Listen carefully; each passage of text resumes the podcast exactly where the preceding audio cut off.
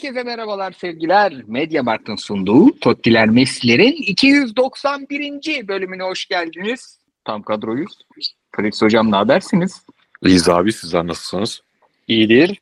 Yani akıştan bazen podcast'in iyiliğini anlarız ya. Gerçekten sorularım çok güzel. Bir de çok da değil.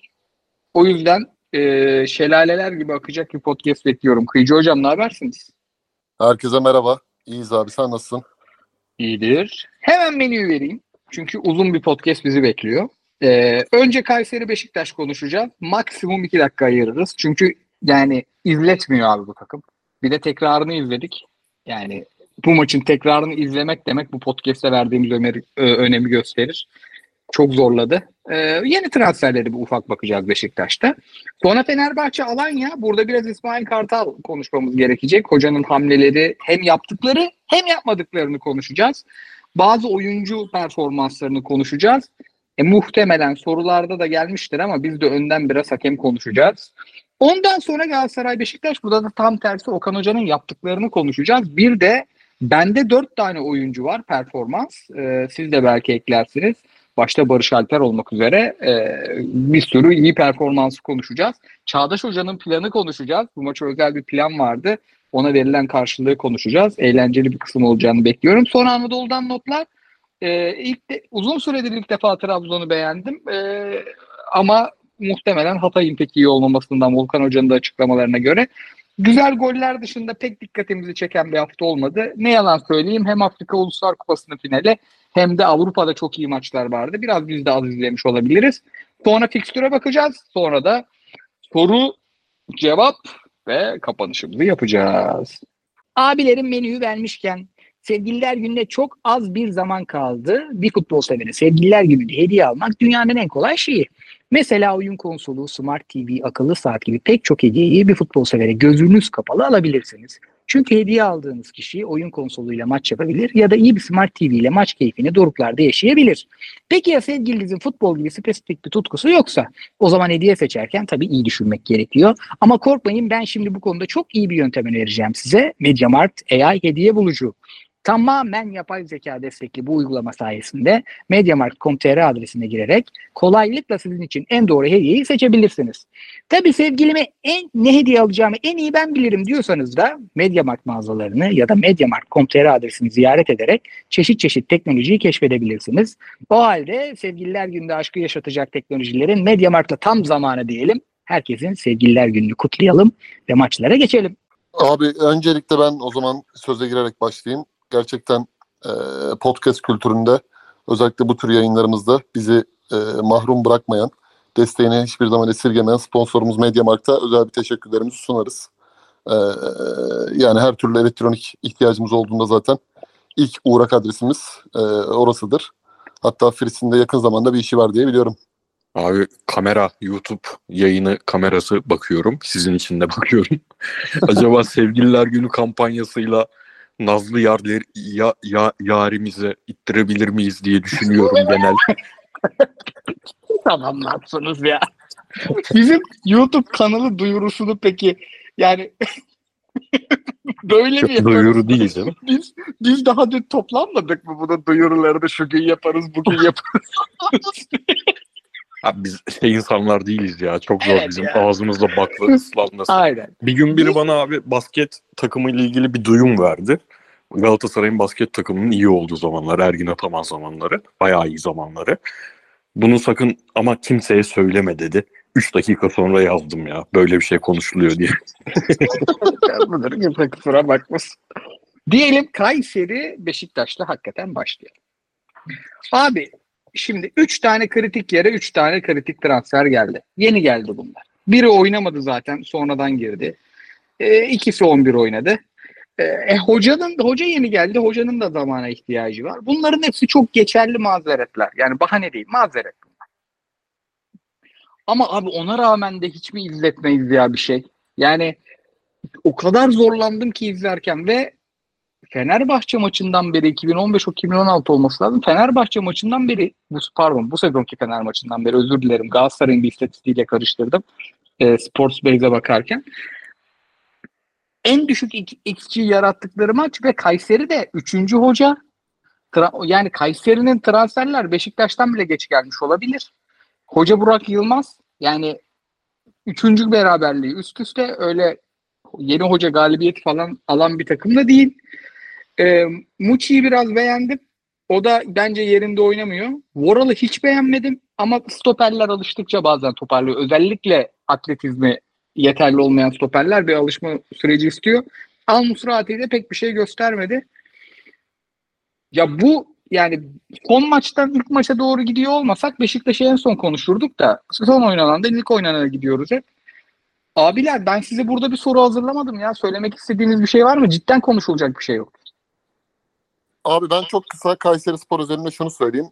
Ee, maçtan önce zaten bizim çekime de denk geldi ya. Kayseri Spor kadrosuna baktığımda dörtlü savunmanın önünde Mehdi Burabiye'yi gördüm. Mehdi Burabiye benim Süper Lig için yani Konya Spor'da olsun. E, Konya Spor'dan gittiği 4 yıl oynadığı Sassuolo kariyerinde olsun. Her zaman böyle şey yaptığım bir oyuncu. Yani Süper Lig'de olması gereken bazı oyuncular vardır ya yabancı. O tür bir oyunculardan da yeniden Türkiye'ye işte Spezia Frosinone yaptıktan sonra dönmesi e, ki yanılmıyorsam yaşı hala 31-32 gibi Burabia'nın.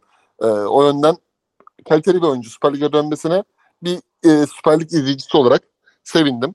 Ki zaten fena da performans vermemiş. E, sözlerine katılmakla birlikte Kayseri Spor'da özellikle Recep Uşar'ın ayrılmasından sonra ben Burak Yılmaz'la takımın biraz daha eli yüzü düzgün. Hani o kötü skorların akabinde Burak Yılmaz'ın biraz daha kendi yoğurt yiyiş biçimini takıma nasıl seyahat ettiğini gördüm. Özellikle bayağı maçı istediler. Yani bir direkten dönen şutları var. 2-3 tane kaşan pozisyonları var özette. Ki Beşiktaş'ı da Fernando Santos'u gelen transferler rağmen daha coşkulu görmek e, gerekirken çok daha böyle şey gördüm. Nasıl söylenir? E, defansif aksiyonlara daha çok dikkat eden. Hani Zaynettinov, Voral, Necip, işte Mert'in hatta bayağı bir kurtarış yaptığı şekilde gördüm. Tabii bu e, Santos'un da biraz kendi defansif aksiyonlarda daha böyle metot hocası olduğu için hani buradan belki bu kaos kriz döneminde yenilmeden dönmeyi yeni transferlerin de eklemlenmesiyle şeyi düşünmüş olabilir yani takıma uyum süreci vesairelerin içerisinde. Yani onun bakış açısıyla belki de Beşiktaş'ın e, buradaki beraberliğinin şu an iyi iyiye gidiyoruz olduğunu da yorumlayabilir hoca. Bir teknik adam gözüyle. E, Voral'ı beğenmedim. Yani genel anlamda Voral gibi stoperleri Süper Lig'deki e, orta seviye takımlarda da bulabilirsin yani. Başakşehir'deki neydi abi? O uzun bağ mıydı stoperin adı? Opoku da uzun, bağ da uzun. Evet yani o o o 2-0-2'lik oyuncu çok daha bence hani Voral'dan iyi performans verebilir. O ayarda bir oyuncu.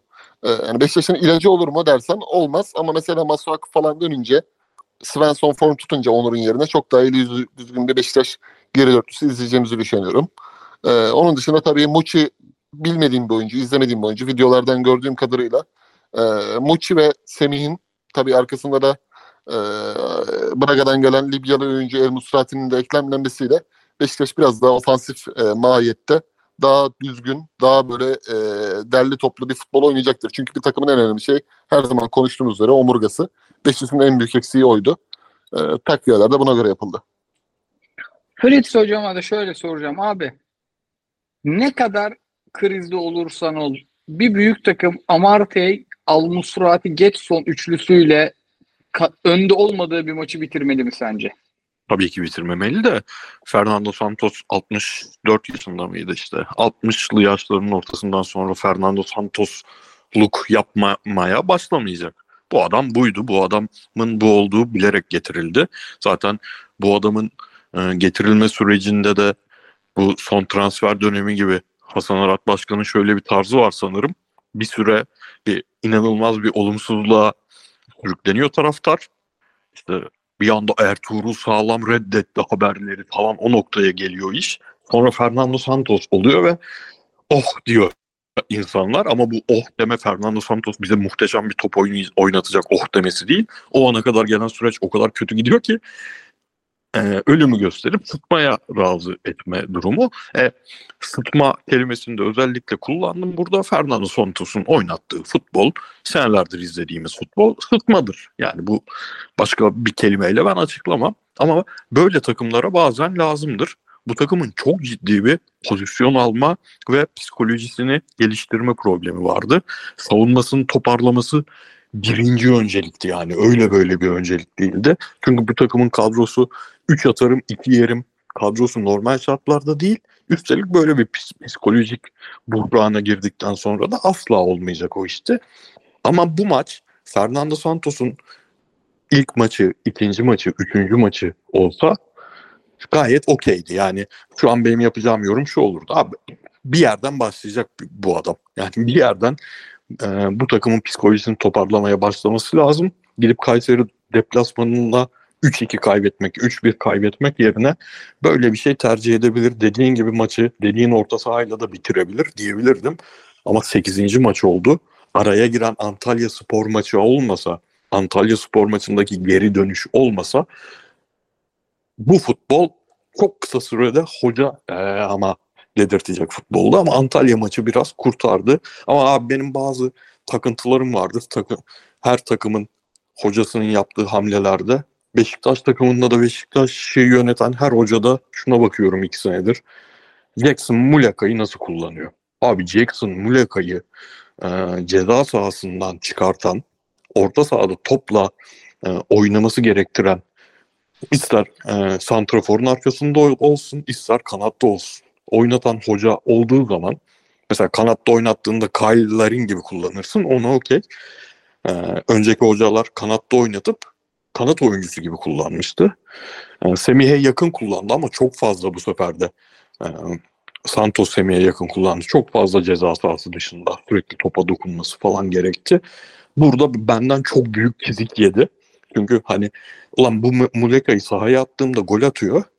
Bir şekilde 11'e atmam lazım deyip 11'e at, atma hamlesi bu. Başka bir çözüm çıkması gerekiyordu. Tamam Semih varken e, hiç atma abi o zaman. Hiç atma yani. Bu şekilde Muleka kullanımıyla bir takım başladığı zaman ben bana inme iniyor. Onun dışında Antalya maçına yine döneceğim abi. O maç olmasa şu an bambaşka şey kullanıyorduk, konuşuyor oluyorduk.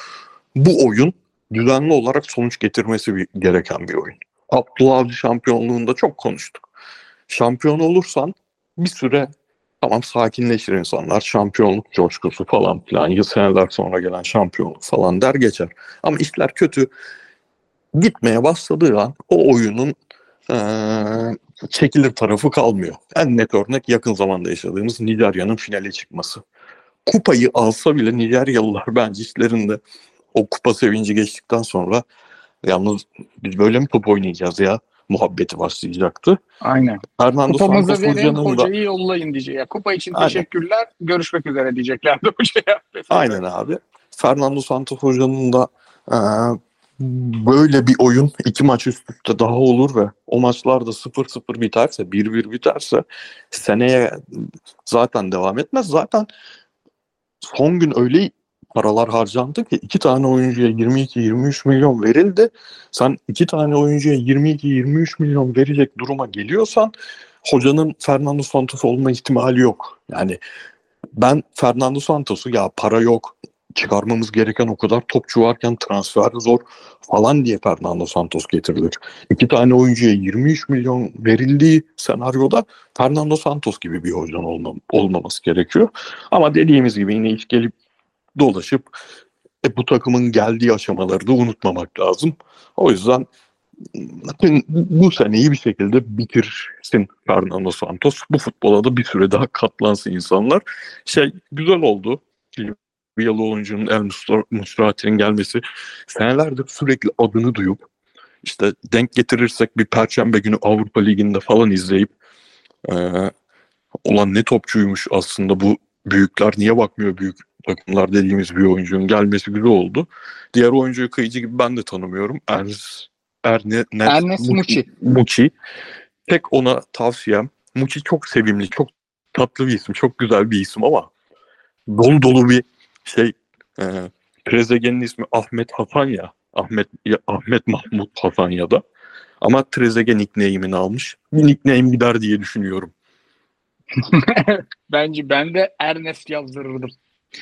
Diyelim. Muki çok sevimli abi. Şimdi bu oyuncu belli. E, acayip maçlar da çıkaracak. Acayip maçlar çıkardığında şöyle dolu dolu ne bileyim ne yapabilir? Respo falan yap abi. Muçi biraz şey. Bir isim isimle ilgili bir takıntım daha var. Yeni gelen stoper Joe Voral.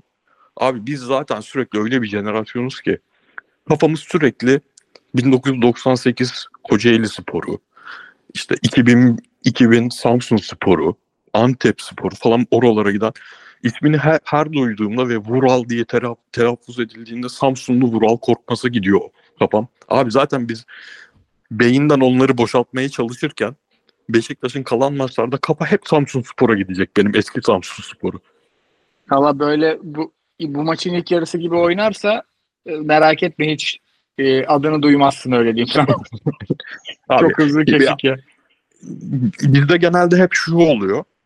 Ya abi Premier Lig'den ortalama oyuncu da getirsen lig farkı yüzünden burada uçup kaçacağı düşünülüyor. Ben buna çok karşıyım. Sadece orta sahalarda o farkı görüyoruz abi. Orta sahalar gerçekten Premier Lig'in çok ortalama bir orta sahası burada fark yaratabiliyor da stoperler, bekler, hatta santraforlar, kanat oyuncuları asla o farkı yaratmıyor. Öyle bir şey görmüyoruz yani. Senelerce Championship'te oynamış bir oyuncu gelip Türkiye'de bir anda orta saha değilse asla uçup kaçmıyor.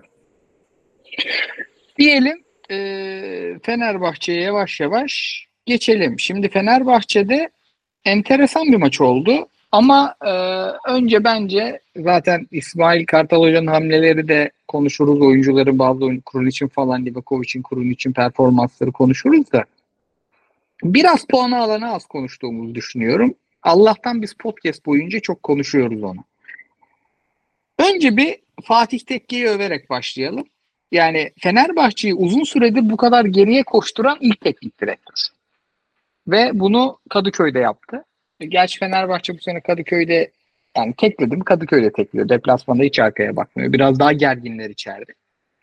Ee, yani bu biraz Fenerbahçe'nin çıktığı 11'den ve bazı oyuncuların performansından da kaynaklanıyor ama Alanya gibi bir kadronuz ve iyi bir planınız olmadığı zaman bunu Fenerbahçe'ye yapamazsınız. Hatta en çok koşturan olamazsınız. Ee, Kıyıcı Hocam bir Fatih Tekke överek başlayalım. Sonra maçın geneline de gireriz. Abi şimdi Fenerbahçe'ye dair tabii ki yine teknik adam üzerinde ben konuşma gerçekleştireceğim bilhassa oyuncu tercihlerinden ziyade iki teknik adamı da ayrı bir portrede ele almak gerektiğini düşünüyorum. Yani Fatih Tekke rakibinin önemli unsurlarına, önemli silahlarına iyi bir e, biçimde çalışmış. Gerçekten rakibinin kendisini şaşırtmaya fırsat vermeden zaten İsmail Kartal'ın böyle bir hani sihri de yok. E, saha içindeki tercihleriyle. Teknik adam gözüyle zaten Fatih Tekke verdiği röportajlarda, verdiği özel röportajlarda, dijital platformlarda hep oyuna dair işte Gasperini, Lazarbi bunları takip ettiğini, dünyadaki futbolun değişiminin anlık takip edilmesi gerektiğini. Çünkü eğer bir belli bir yerde duraksarsanız geride kalacağınızı söyleyen, e, hayatının belli periyodunu artık futbola ayırdığını, geçmişteki pişmanlıklarını milli takım dönemindeki işte Trabzonspor'da ve Zenit'te yaşadığı hocayla kavgalarına gerçekten ders çıkardığını, işin bu tarafına geçtiğinde de e, bunu iyi yönetim biçimi olarak kendisine fayda sağladığını söyleyen bir e, çalıştırıcı. Ve hakikaten de geçen sene İstanbul Spor maçındaki 3-1'den 3-3'e gelmesine biz Galatasaraylıları sevindirdi. Ama esasen orada da mesela şeyi gösterdi. Yani belki e, ait olduğu topraklarda o Karadenizlilikle gelen teslimiyetçi olmama, elindeki kadro üzerindeki oyuncuları iyi tanıma, iyi kullanma. Bunu da kademe kademe özellikle geldiğinde zorlansa da Alanya Spor'a sirayet ettirdiğini görüyoruz. Yani işte sol bek Balkovic, sağ bek aslında daha önce sağ ön oyuncusu olan Haber Gonay, elindeki malzemeyle.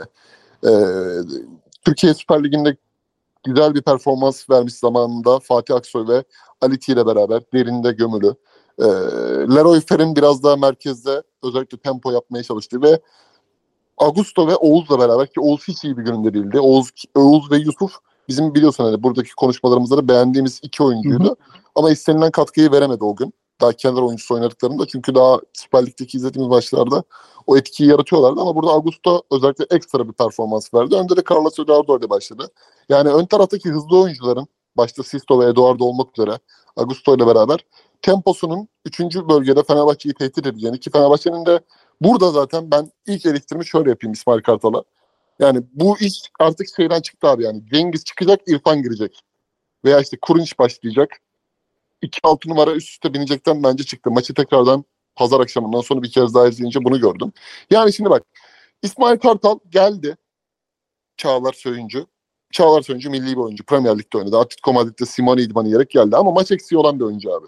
Yani Antalya Spor maçında ikinci devre biraz toparladı. İlk yarıda biraz böyle heyecanlıydı. Onu çok hissettirebiliyordu.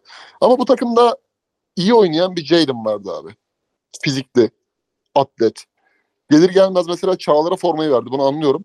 Ama iki aydır, bir buçuk aydır kötü oynayan oyuncularda ısrar edip de kariyer sezonu yaşayan oyuncuları kenarda tutup da mesela hata üstüne hata yapan bir e, Kronic İsmail ikilisini kullanıp da uzun süre sahada tutup da üst üste bindirip de bu gibi antrenör, antrenörlük mahiyetinde e, sınıfta kalacak hamleler işte içerideki Samsun maçı için mesela bütün Fenerbahçeli medya yol kazası dedi. Ama bence yol kazası değildi. Anda Alanya maçında bence bunun e, fikriyatı daha da oturdu.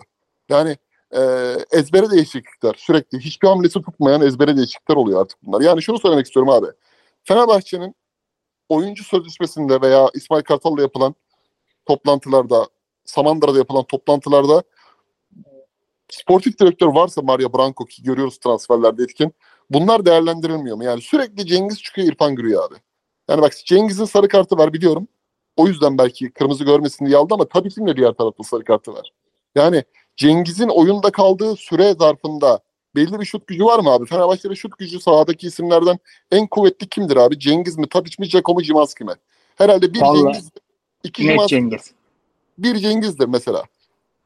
Ama Cengiz'i hemen oyundan aldı. Şimdi bunu sarı kartı var diye bir yoramayız. O zaman diğer tarafta da Tadic'in sarı kartı vardı ki o kırmızı kartlık pozisyondu bence ilk yarıdaki hakemin gösterdiği Çağdaş Altay'ın göstermediği kart kırmızı kart. Bence de.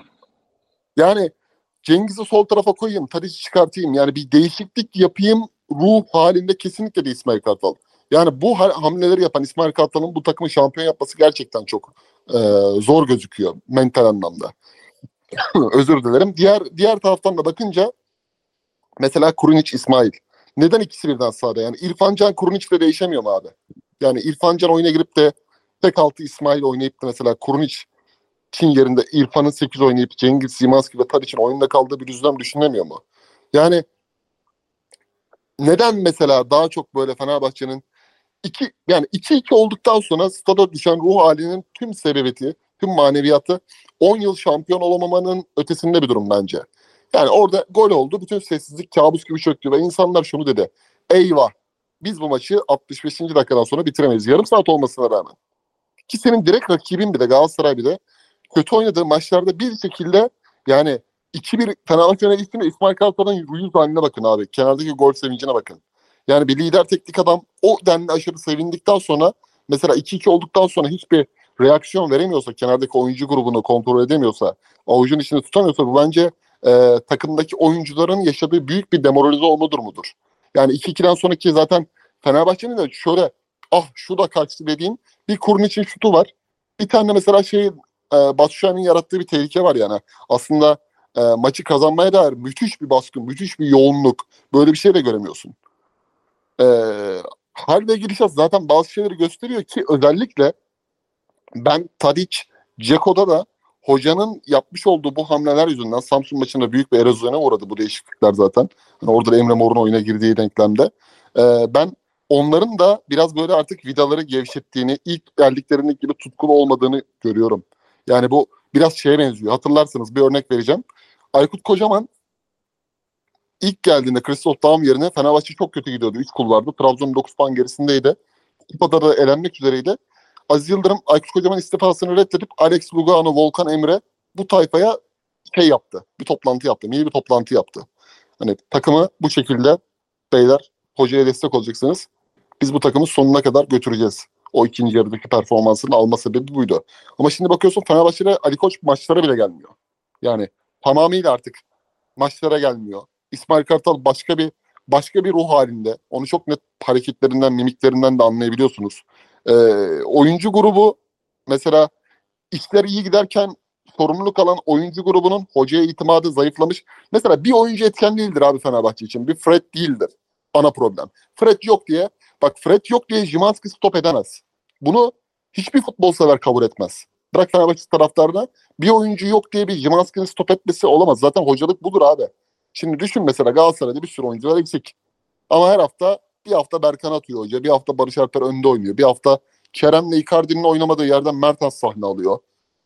E şimdi böyle bir yapıyla mücadele ederken bunu eğer düzenli bir şekilde yarışırken oturtamazsanız iş şeye gidiyor yani. Jurgen Klopp 2 puanla mı 1 puanla mı ne kaybetti ya şampiyonluğu. 87 puan 89 puan bitirmişti yanılmıyorsam. O sezonda mesela biz çok iyiydik ama bizden daha iyisi vardı diyor mesela. Pep Guardiola'nın sitesi için. Biz elimizden geleni yaptık bu kadardı ama bizden daha iyisi vardır diyor. İşte sizden daha iyisi de Galatasaray. Yani Galatasaray ne kadar problem yaşar yaşasın kenardaki teknik adamın e, varlığıyla beraber sorunları zor sorunlar aslında kolay gösteren bir teknik adam var. Ama Fenerbahçe'de işler öyle değil. Fenerbahçe'de zorlukların içinde çözüm bulamayan, zorlukları daha büyük bir paradigmaya dönüştüren bir teknik adamla bu yola giriyor. Ben yüzde yüz inanıyorum. Bak Fenerbahçeli statta o gün maçı izleyen insanların 13 hafta kalmasına rağmen eyvah şampiyonluk gitti dediğini Alanya maçının bir hiç sürüğüyle beraber net inanıyorum abi. Yani böyle bir e, psikolojiyle böyle bir tahribat altında Fenerbahçe'nin gerçekten artık büyük bir avantajı yitirdiğini ki e, içeride Galatasaray'la oynasaydı bir ihtimal ama deplasmana Galatasaray'a gelecekler. Bu bunu düşünerek bunu buna yol haritası çizerek hareket etmek şu dakika itibariyle bence artık daha da zorlaştı. Oradan Fritz hocama da şöyle atayım topu. Yani İsmail Kartal konusuna girelim hakikaten. Ee, Kıyıcı hocam çok güzel özetledi. Ben İsmail Kartal'ın hatasını bence Santra'dan önce yaptığını düşünüyorum ilk hatayı. Yani e, Kıyıcı hocanın dediği gibi Osterwolde'nin olmadığı, Fred'in olmadığı e, Bekao zaten sakat hatta kontratı da olduğunu dondurulacak deniyordu. Neden bilmiyorum. Bu ikilinin birden olmadığı e, bir kadronun oyunu değildi oyun. Oyun çok fazla geçişe, çok fazla alan yanında bir şeyler yaptığı, alan ya biraz daha garantici bir oyun isterdi bence. Biraz daha topa sahip, biraz daha tempoyu düşüren, biraz daha e, rastlantı sayısını azaltan bir oyun isterdi. Yani yine Galatasaray'dan vereceğiz örneği. E, Galatasaray birkaç maçtır oyun kurmada 3 kişiyi 4'e çıkardı mesela. Yani çıkarken kaptırmayayım çünkü Saşa Boey'im yok oyununa başladı. Abdülkerim'im yok oyununa başladı ki çok iyi iki stoper performans almasına rağmen. Orada biraz daha garantici, biraz daha yani biraz daha demlenerek çıkan bir Galatasaray izliyoruz. Ama Fenerbahçe'de oyuncular değişse de stratejiler, uygulamalar pek değişmiyor. Ve ben gerçekten Osterwolde'nin kesilip Cengiz'in oynatılmasının problem olduğunu düşünüyorum. Hem geri dörtlüye hem orta sahip olmanın. Şimanski'yi de çok etkilediğini düşünüyorum. Fritz Hocam siz ne diyorsunuz? Hocanın hem kadro değişikliklerine hem de değişikliklerine dair. Abi şimdi lig kötü. Tamam çok kötü. Gerçekten çok kötü. Bunu görmemizi en çok sağlayan şey de şu oluyor. Diğer maçları daha düzenli izlemek. Ben son dönem daha fazla maç izlemeye başladım bizim ligden. En azından belli bölümlerini izlemeye başladım. Ee, Anadolu takımlarının birbirleriyle yaptıkları maçlarda. Şuradan net görünüyor. Mesela Başakşehir Galatasaray'la Fener'le yakın dönemde üst üste maçlar yaptı. Piontek'in falan halini görüyorsun. Aynı Piontek'i e, eşit güçteki takımlarla oynadığında görüyorsun. Aynı futbolcu olamaz diyorsun. Yani rakipler o kadar zayıf ki diğer takımlar. Veya Samsun stoperin stop, e, santraforunu Fenerbahçe ve Galatasaray maçlarındaki hali. Sonra e, işte Antalya spor maçındaki hali ki Antalya güya ligin iyi takımlarından biri falan. Bunu bunu karşılaştırdığında gerçekten rakiplerin ne kadar kötü olduğunu anlıyorsun.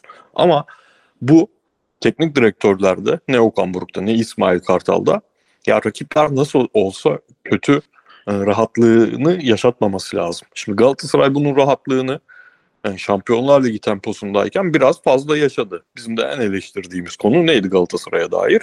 İştahtı. O iştah hali tamam şampiyon takım falan filan ama daha üst seviyede olması lazım. Çünkü rakibinin iyi bir kadrosu var artık. Rakibin ee, Arao'larla bilmem nelerle oynamıyor.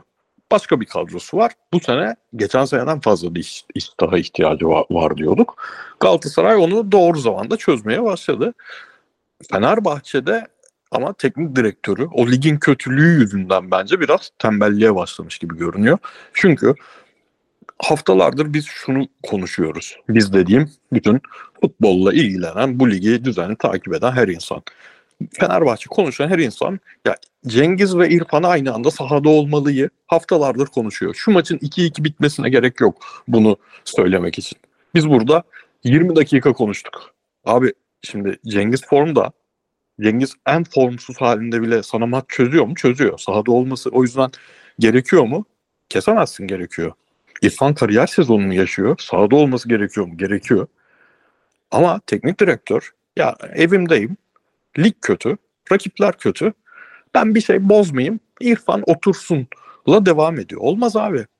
Şimanski şu an oynanan futbolun futbolcusu değil. Şimanski ne zaman o inanılmaz skorer Şimanski'ye dönüşmüştü? Fenerbahçe rakipleri kapatabildiği zaman Şimanski düzenli olarak iyi şut açılarıyla buluşabildiği yerler belli. Bunun da yapmanın yolu rakipleri kapatabilmek. O Samsun maçından beri hiçbir rakibini tam olarak kapatamıyorsun. Samsun Spor maçında bile bulduğun pozisyonların büyük kısmı Fenerbahçe'nin çok iyi yaptığı organize kaostan değil, rakiplerin anlık uyumalarından olan pozisyonlardı. Düzenli olarak geriye gidiyor futbolun. Düzenli olarak senin maçları çok erken çözdüğün futboldan uzaklaşmışsın. E Fred'sizlik tabii ki çok büyük bir etken. Ama artık bulacaksın abi artık bulacaksın yani. Şu maçta e, Şimanski ile İsmail'in oynadığı pozisyon, oynadığı bölgeler olmadığı belli. Bundaki mesela hatayı İsmail'de bulmak, Kruniç'i sağda tutup İsmail'i çıkartmak, İrfan'ın bir türlü eklenmemesi falan filan az buz işler değil. Ben Kıyıcı'ya şey olarak katılıyorum. Samsun yol kazasıydı. Değil abi. Değil yani. Göstere göstere gelen bir şeyler vardı bu takımda. Başakşehir maçında da. Işte, Abi pardon istatistik... yok yok lafını bölmeyeyim. Samsun'un yol kazası zannediliyordu ama değilmiş. Esas burada anlaşıldı dedim. O, o anlamda dedim ona. Tamam ben de ona katılıyorum dedim. Onu diyorum. Yok yok. anladık birbirimizi anladık da yanlış şey yaptık. Kelime seçtik. Tamam Aynen yok. abi. İşte Tamam doğru. O maçtan beri göstere göstere geliyor. Başakşehir maçında mesela istediğin kadar çıkar abi. Ceza sahasına şu kadar girdik diye. Yani oyun bundan 8 hafta önceki oyun değildi. Pozisyon bulmak başka bir şey. Pozisyon bulmak demeyeyim de o ceza sahasına girmek başka bir şey. Gireceksin zaten. 10 kişi kalmış. O kadar geride savunmaya başlamış takıma karşı ceza sahasına gireceksin. Ama aynı organizasyonlarla girmiyorsun ama aynı organizasyonla giriyormuş gibi Şimanski'nin rolü aynı, onun rolü aynı, bunun rolü aynı ve şu yüzden yol kazası değil. Şimdi lig yeniden başladı ikinci yarı. Ben o Samsun Spor maçında şunu söylemiştim. O an Fenerbahçe Galatasaray 2 puan önündeydi hala. Ama Fenerbahçe 2 puan geride demiştim artık. Çünkü bunlar puan verilmeyecek maçlar. Bu maçla da beraber 4 puan geriye düştü. Şu an benim kafamda Fenerbahçe Galatasaray'ın 4 puan gerisinde. Bunun şeyi yok. Başakşehir deplasmanından 3 puan aldım. Telafi ettim. Hayır abi Başakşehir deplasmanından her türlü 3 puanı almak zorundaydın. O yüzden şu an Fener 4 puan geride. Fatih Tekke için de şunu söyleyeyim. Ligdeki teknik direktörlerin büyük kısmı Galatasaray ve Fener'e çıkarken bence hafta içinde maçı kaybedip çıkıyorlar. Bir, bu kadar kötü görünmelerinin bir sebebi de bu saha içinde.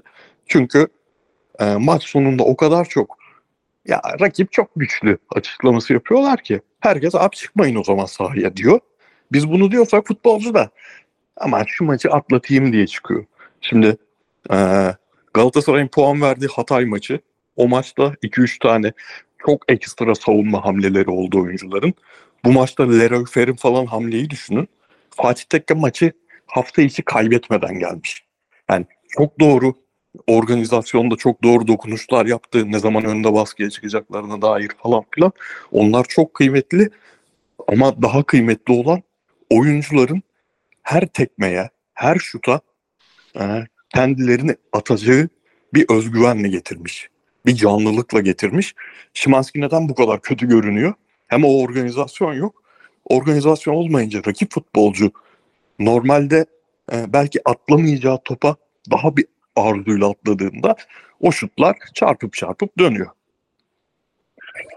ben de şey ekleyeyim. E, hocanın saha içinde yaptıklarına değişiklikleri de konuştuk. E, yüzüne bakılmayan Kent'in maçın sonunda Ceko'nun yerine alınmasını. Hiç anlayamadım. Ha, evet evet yani- abi. Biz katılıyorum. Doğru. Şeyi Doğru. çok özetliyor ya. Ee, Samsun ya da herhangi bir Fener'in skoru alıp gitmediği herhangi bir maçtaki Emre Mor hamlesi vardı ya. Emre Mor'um yok artık. E, ne atayım? Kent atayım hamlesi. Abi bak Fener hiç puan kaybetmiyorken biz burada şunu konuşuyorduk. Ya diyelim 2-1 önde. 1-0 önde. Santrafor çıkıyordu. Daha Fener'in hocanın değişikliklerinin eleştirilmeye başlanmadığı zaman. Abi 90 dakikayı bitirir. Bir takımın birinci santraforu 90 dakikayı bitirir. Onu konuşuyorduk. Hoca haftalardır yine birinci santrafor şampiyonluk yarışında çıkmaz abi. Çıkmaz yani. Evet. Yerine de- kim girerse girsin ya. Ve şunu söyleyeyim abi. Şimdi e, hem kırmızı kart hem penaltı. Fenerbahçe e, içeride böyle hakemi de her zaman bulamaz. Yani bu hakemler özellikle bu sene dahil olanlar e, iç saha performansını şeyi görünce işte tribünü miribünü görünce dağılıyorlar. Belli yani. Hazır değiller lige. Fenerbahçe'nin hakem şansı çok yanında bir günüydü. Yani Abi- bunu bunu da bulamaz. Yani bu kadarını bulamaz Galatasaray'da Fener'de. Yani bir kırmızı yiyecek bir tane penaltı penaltı da penaltı değil bence. Orada böyle bir hani temasa faul çalan bir hakem varken en çıkmayacak iki adam. Bir Cengiz hatta bir Ceko iki Cengiz. İkisi de alındı oyundan. Yani Ce- Cengiz çok iyi top atan bir adam. Kale sahasına, kaleciyle stoperin arasına o topu o bir şekilde indiriyor. Ceko hem sırtı dönük çok iyi hem çekirdek kuvveti inanılmaz iyi. Herif yere bastığı zaman deviremiyorsun, faal yapıyorsun zaten. Hem de yani öyle bir üstad ki adam. Yani o topu o el hizasında vuruyor kaleye. Bir şey kaleyi tutmasa bile bir risktir onun varlığı. Sen sürprizi anları oynamayı İsmail'den, Kent'ten, Batshuayi'den bekleyemezsin. Tadiç'ten, Ceko'dan şu haline gelmiş. Yani bu oyununu bu hale getirmiş Cengiz'den beklersin. Hiç hiç beklemeyen bir hoca gördük. Yani Fenerbahçe cidden hiç değişiklik yapmasa bence kazanabilirdi de. Sahada kalsaydı bu oyuncular maç sonundaki karambollerden bir tane olurdu. Bir tane Batshuayi kaçırdı. Bir tane de İrfan kaçırdı ki ikinci pozisyon bence offside'dı zaten. Yani gol olmayacaktı o da. Yani birkaç tane girdi. Ama o pozisyonlara kim girdi? Yani o yüzden de değişiklikleri şimdi Fenerbahçe bu maçı kafa kafaya oynadı.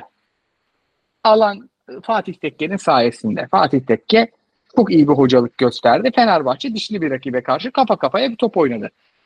Ama yenerdi. İsmail Kartal yerine başka bir hocanın ilk maçı olsa kazanırdı. Çünkü orada yani zaten tribünü ayağa dikmeyen, tribünü susturan da o değişiklikler bir yandan. Ya Cengiz her topu sol ayağıyla sağına, sağ tarafa bir çektiğinde tribün ayağa kalkıyor. İlk o çıkıyor. Yani Tadiç atılması lazım. Cengiz çıkıyor. Kent giriyor. Kent girdikten iki gün sonra federasyonun listesinde yok. Fenerbahçe'nin şu an yabancı, 14 yabancısından bir değil Kent. Kadrodan çıkarılıyor. Ve 3 puanı alıcı. Ceko'nun yerine soktum bunu ya. Yani çok enter ben bunları şey şunu genelde bir teknik direktör bir şey yaptığında biz 8 yıldır şunu düşünüyoruz. Ya şunu düşünmüştür. Ben İsmail Kartal'ın direkt panik yaptığını düşünüyorum kulübede. Sana çok kısa bir ekleme yapabilir miyim abi bu konuda? Tabii abi buyur. Şimdi Fenerbahçe Tümasan Konyaspor'u yendi ya 7-1. Tarihler 10 Ocak'a gösteriyordu abi. Şimdi fikstürden açtım elime. 14 Ocak 2024. Gaziantep Fenerbahçe. Fenerbahçe Kümülika'nın derinde 3'lü oynatıp e, pardon 5'li oynatıp 5-4 birine 81. dakikada İrfan Can Kahveci ile beraber golü buldu. 64'te oyuna giren İrfan Can 81'de golü attı. Fenerbahçe zorlandı mı? Zorlandı. Geçelim Samsun Spor maçına zaten konuştuk. Çok bir kayıp, kötü bir oyun içi hamleler. Fenerbahçe ertesi haftada içeride puan kaybetti ve zorlandı. Ee, Başakşehir maçı.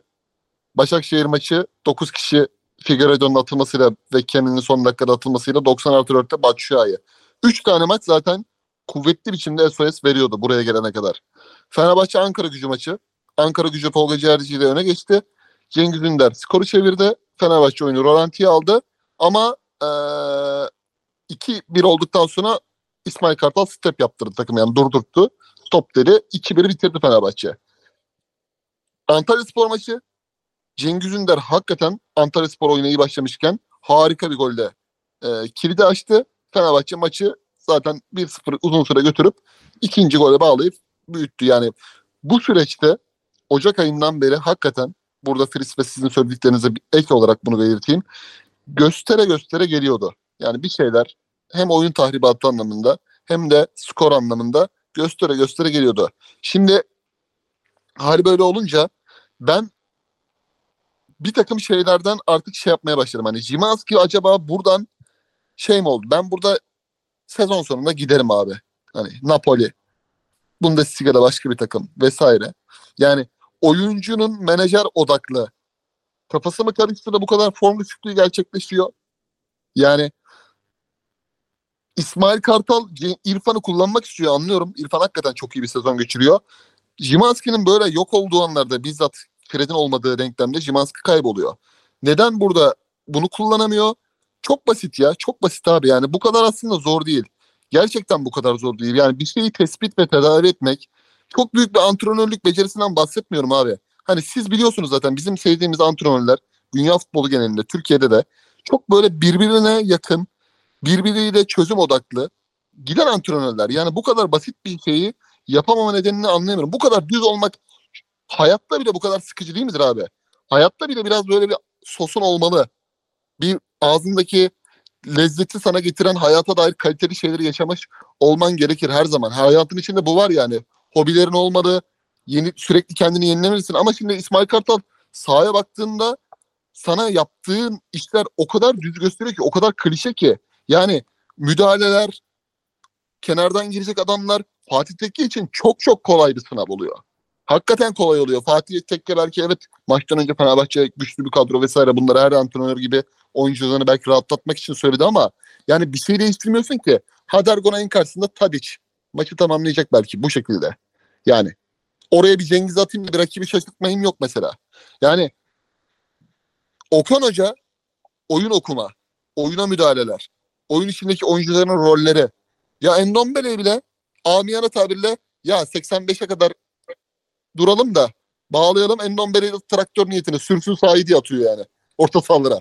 Hani kalçayı koyar, içini koyar, dayar rakibe bir şey yapar diye atıyor yani. Hani İsmail Abi- Hoca hakikaten abi bu bu kadar yani bu kadar düz bir takımın şampiyon olma şansı yok ya. Abi hep sorunu konuştuk da ben de bir çözüm önerisiyle geleyim.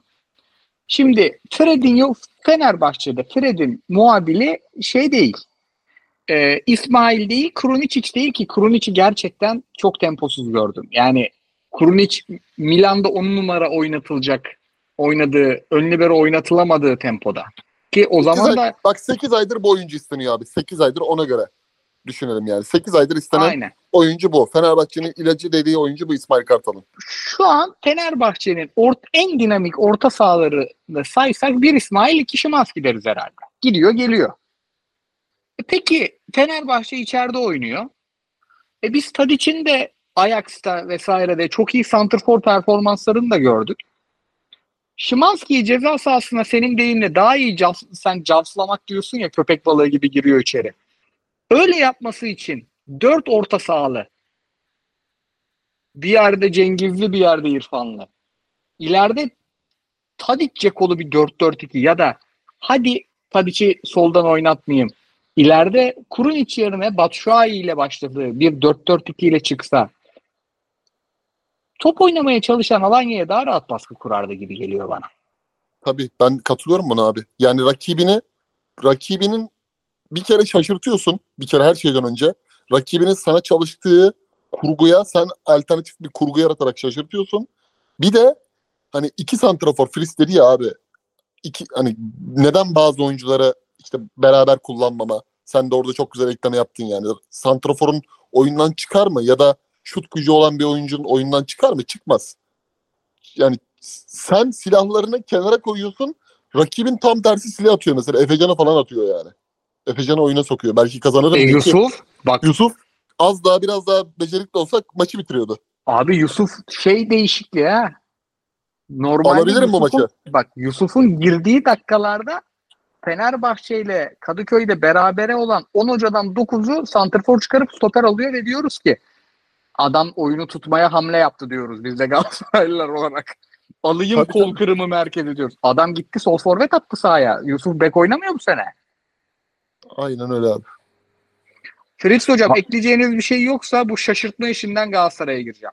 Abi Şimanski konusunda ekleyeceğim bir şey var.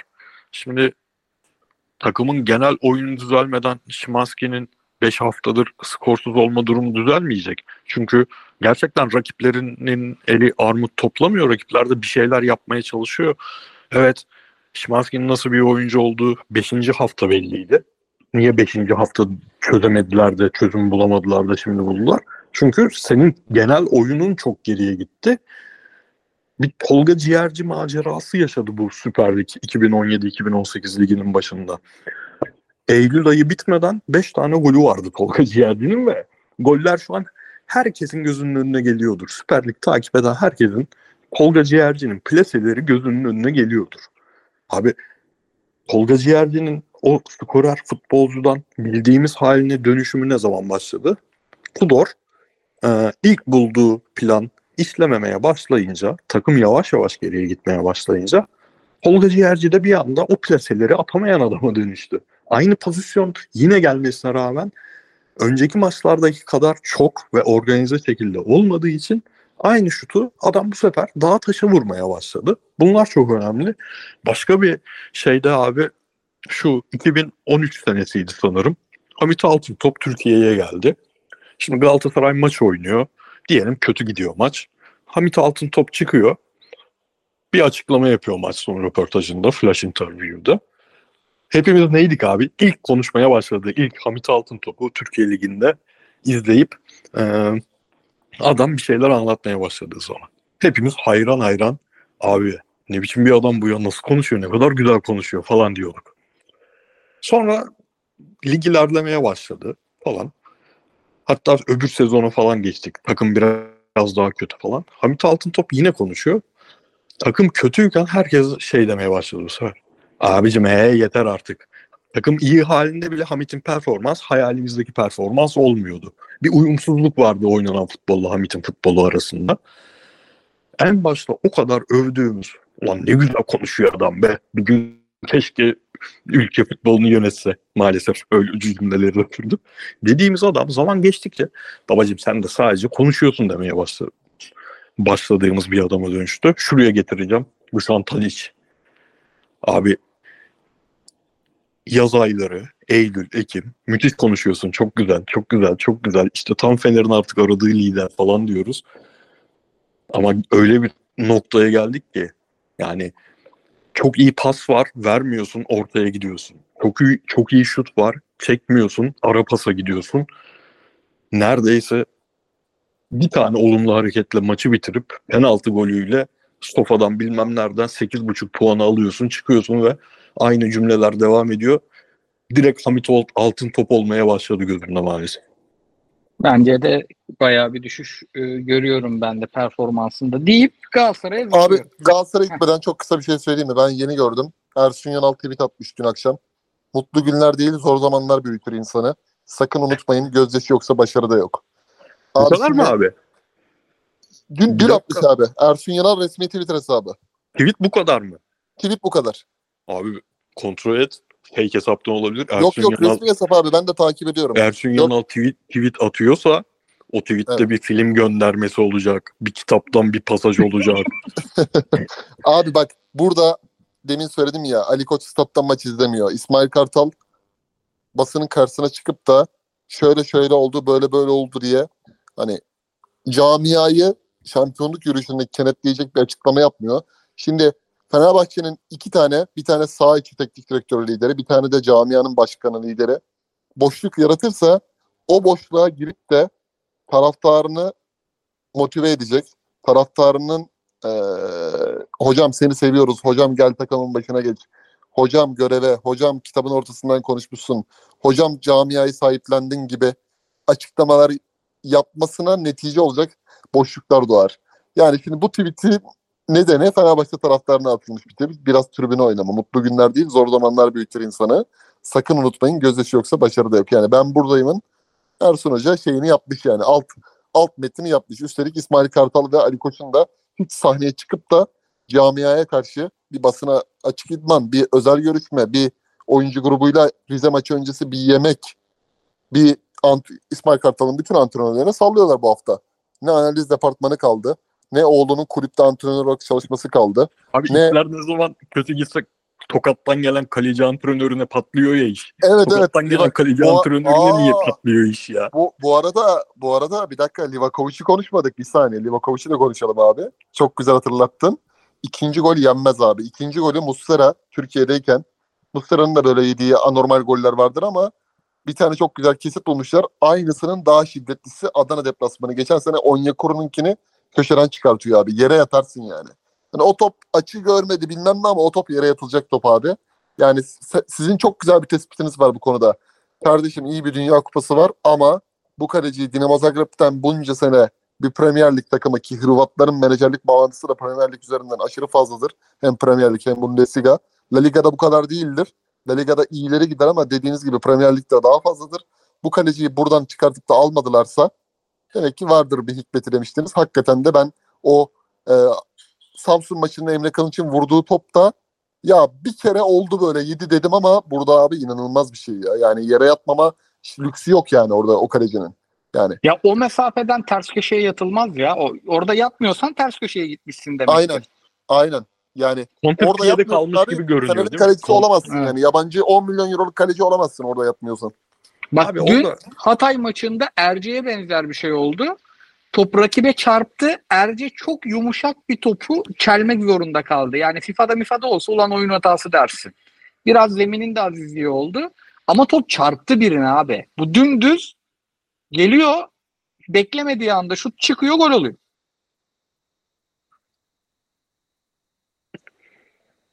Ersin Yanal tweet'i için ne diyorsunuz? Şey değil mi bu? Hani ya bana stoperde Adil Rami ile Jason verdiler. İsmail Kartal'a Çağlar Bonucci. Ey Ali Koç tweet'i değil mi abi biraz? Abi şu olsa şöyle bir senaryo yaşanmış olsaydı Fenerbahçe'nin başına tekrar geldi Ersun Yanal. İnanılmaz bir aşk hikayesi olarak geldi ve gerçekten çok kötü bir kadro verildi eline. O kadar kötü kadro verilmişken başkan sezona başlarken şu cümleleri kurdu. Biz kadro olarak her şeyin en iyisini yaptık. Bundan sonra teknik direktörü yapacak işini dedi. Dirar sol, sol bek oynamak zorunda kalıyordu falan. İşte Jailson stoper oynamak zorunda kalıyordu. Tamam bu yaşandı ve Ersun Yanal gönderildi. İşte Galatasaray serisi bitti. Kupada Trabzon maçı falan filan. Sonra Ersun Yanal bir yerde çalışmadı diyelim. Şu an o tweet attığı an gerçekten aday olabilirdi. Ama Ersun Yanal'ın o sürecin sonunda bir Alanya bir Antalya macerası var ki bu ülkede Ersun Yanal denince insanların kafasında can, canlanan çok tatlı hücum futbolu, çok tempolu futbol bunu yerle bir etti hoca tek başına. iki tane e, Alanya ve Antalya dönemiyle yerle bir etti abi. Oranın Fernando hiçbir- Santos'uydu ya. Adam ikinci Abi- hafta eleştirmeye başlandı. Abi şeyi hatırlıyor musunuz? Lan bu Alanya altılı görünüyor savunmada. Biz mi yanlış görüyoruz? Baya altılı bekliyorlar diye teknik direktörlük lisansı olan arkadaşlarımıza soruyorduk. Oğlum altılı mı oynuyor lan bunlar diye. Aynen. O yüzden Maalesef de o treni kötü kaçırdı. O, o maceralar az buz maceralar değil ya. Diyelim Galatasaray'a geçelim. 23-16. 50 dakika Galatasaray'sız gittik. Rekordur öyle diyeyim. Ve kısa şey konuşmamıza rağmen ama Fenerbahçe çok e, Abi rekoru biraz daha artır, artıracağım kusura bakma araya giriyorum. Şimdi seninle bana bir aydır şu mentionlar çok geliyor. Abi hala mı Afgan izliyorsunuz? Abi bir, bir izlemeye devam ediyorsunuz. Biz de yanımız sıkılıyor öyle mentionlar gelince. Kardeşim sanki Ahmet Kaya'nın şey lafı var ya biri sormuş ne iş yapıyorsunuz o da müzisyenim demiş. Müzisyenim deyince kadın aa çok ilginç demiş. Kardeşim ben sana astronotum demedim ki müzisyenim dedim ya diyor. Sanki bir maç izliyoruz abi. Bu kadar şaşıracak bir şey yok ama bu maçta neye şaşırdınız? Augusto isimli topçunun inanılmaz perform Augusto diyor. Neydi golleri atanın adı abi? Augusto. Ha Augusto muydu? Tamam. Biz bu topçuyu nerede izledik Koray'ım? Angola milli takımında. Yok ya. Yok abi biz bilmeyiz ya. Yani bu arada çok kötü oynamıştı. Eleştirdik diye hatırlıyorum. O maçta Evet. çok kötü oynamıştı. Bunu oynatma hocam bir daha demiştik de. Neyse onu da söyleyelim yani. Afkon'un ülkemize kattığı değerlerden biri. Net. Geldik Galatasaray Başakşehir'e. Şimdi Fatih Tekke'yi konuştuğumuz gibi birçok hafta Çağdaş Hoca'yı da konuşuyoruz ki böyle konuştuğumuz 4-5 tane hoca var zaten. İşte Çağdaş Hoca var. E, görevde olduğunda Hakan Keleş Hoca var. Fatih Tekke Hoca var. İşte Ömer Erdoğan görevdeyse var. E, Recep Uçar Hoca var. Böyle bir iki tane daha sayarız. Manchester City Kopenhag'a attı bu arada. Ben de Les, şey e, Leipzig Real Madrid maçındayım. E, Real Madrid savunmada pek iyi değil. Ben de oraya döneyim ya. Ondan sonra bu maçlarda genelde e, büyüklerle oynadıklarında önce onların planlarına bakıyoruz. Çağdaş Hoca şu planı yapmış. E, maçı iki kere izledim. E, sağ beki sol beke, sol beki sağ beke koyuyor. Dubois solda, Lima sağda başlıyor ki Lima çok zorlandı hakikaten. E, Galatasaray'ı merkezden delmek istemişler. Yani sahanın göbeğinde bir kalabalık yaratmak istiyor hoca. Yani böyle 2-3 e, iki yani stoperlerin önüne bir üçlü hatta bence dörtlü e, koymuş ve Galatasaray'ın işte çok hücumcu oyununu merkezden delmek istemiş topla. E, Galatasaray eğer e tabi bu oyunu göbeğe sıkıştırdığınızda rakibinizi de daha çok uzun topa zorluyorsunuz ve Başakşehir'in avantajı iki tane çok uzun ve atlet stoperi olması. Bunları da toplarız demiş. Ama işte e, bu durumlarda bazen e, oh, heh, kıyıcı gitti diye duraklamıştım. Abi geldim geliyor mu sesimiz sana? Abi geliyor geliyor. Bir internet tamam. düzelttim. Tamam. Bir saniye geriden alıyorum. Şey hani Çağdaş Hoca bu planları yaparken Okan Hoca'nın e, oyunu, Okan Hoca'nın planı e, yani Çağdaş Hoca bu planı yaptığında Galatasaray'ın bir şeyleri daha kötü yapmasını beklersin. Sonuçta önlemdir. Galatasaray her şeyi daha iyi yaptı. Çünkü Galatasaray birebir bastı. Oyun merkeze sıkıştığında Kerem daha az mesafe kat etti. Daha dar alanda oynadı. Kerem Demirbay bence en iyi maçıydı. Ee, Galatasaray baskıda o kadar iyiydi ki yani top kendisinde değilken şeye e, tesadüfe mahal vermedi. Hiç rastlantı yoktu. Yani o topu biz ya burada alırız ya burada alırızdı. Ve gerçekten maç 2-0 olana kadar 4 de olabilirdi. Tek taraflı bir performans izledik. Burada Okan Hoca'nın özellikle hücumcularını kullanışını yani baskıda Başakşehir dar oynamak istiyorken peki biz de dar alalım, adam adama basalım. Ama topu alır almaz genişletelim ve sizin göbeğe getirdiğiniz bekleri Barış Alper'imizle Kerem'imizle yoralım. Ki Kerem'in iyi bir günü değildi. İyi çabaladığı bir gündü. İyi koştu ama hiçbir şey yapamadı. Sahanın içinde pek oynayamadı. Abi ben Okan Hoca'nın planına bayıldım.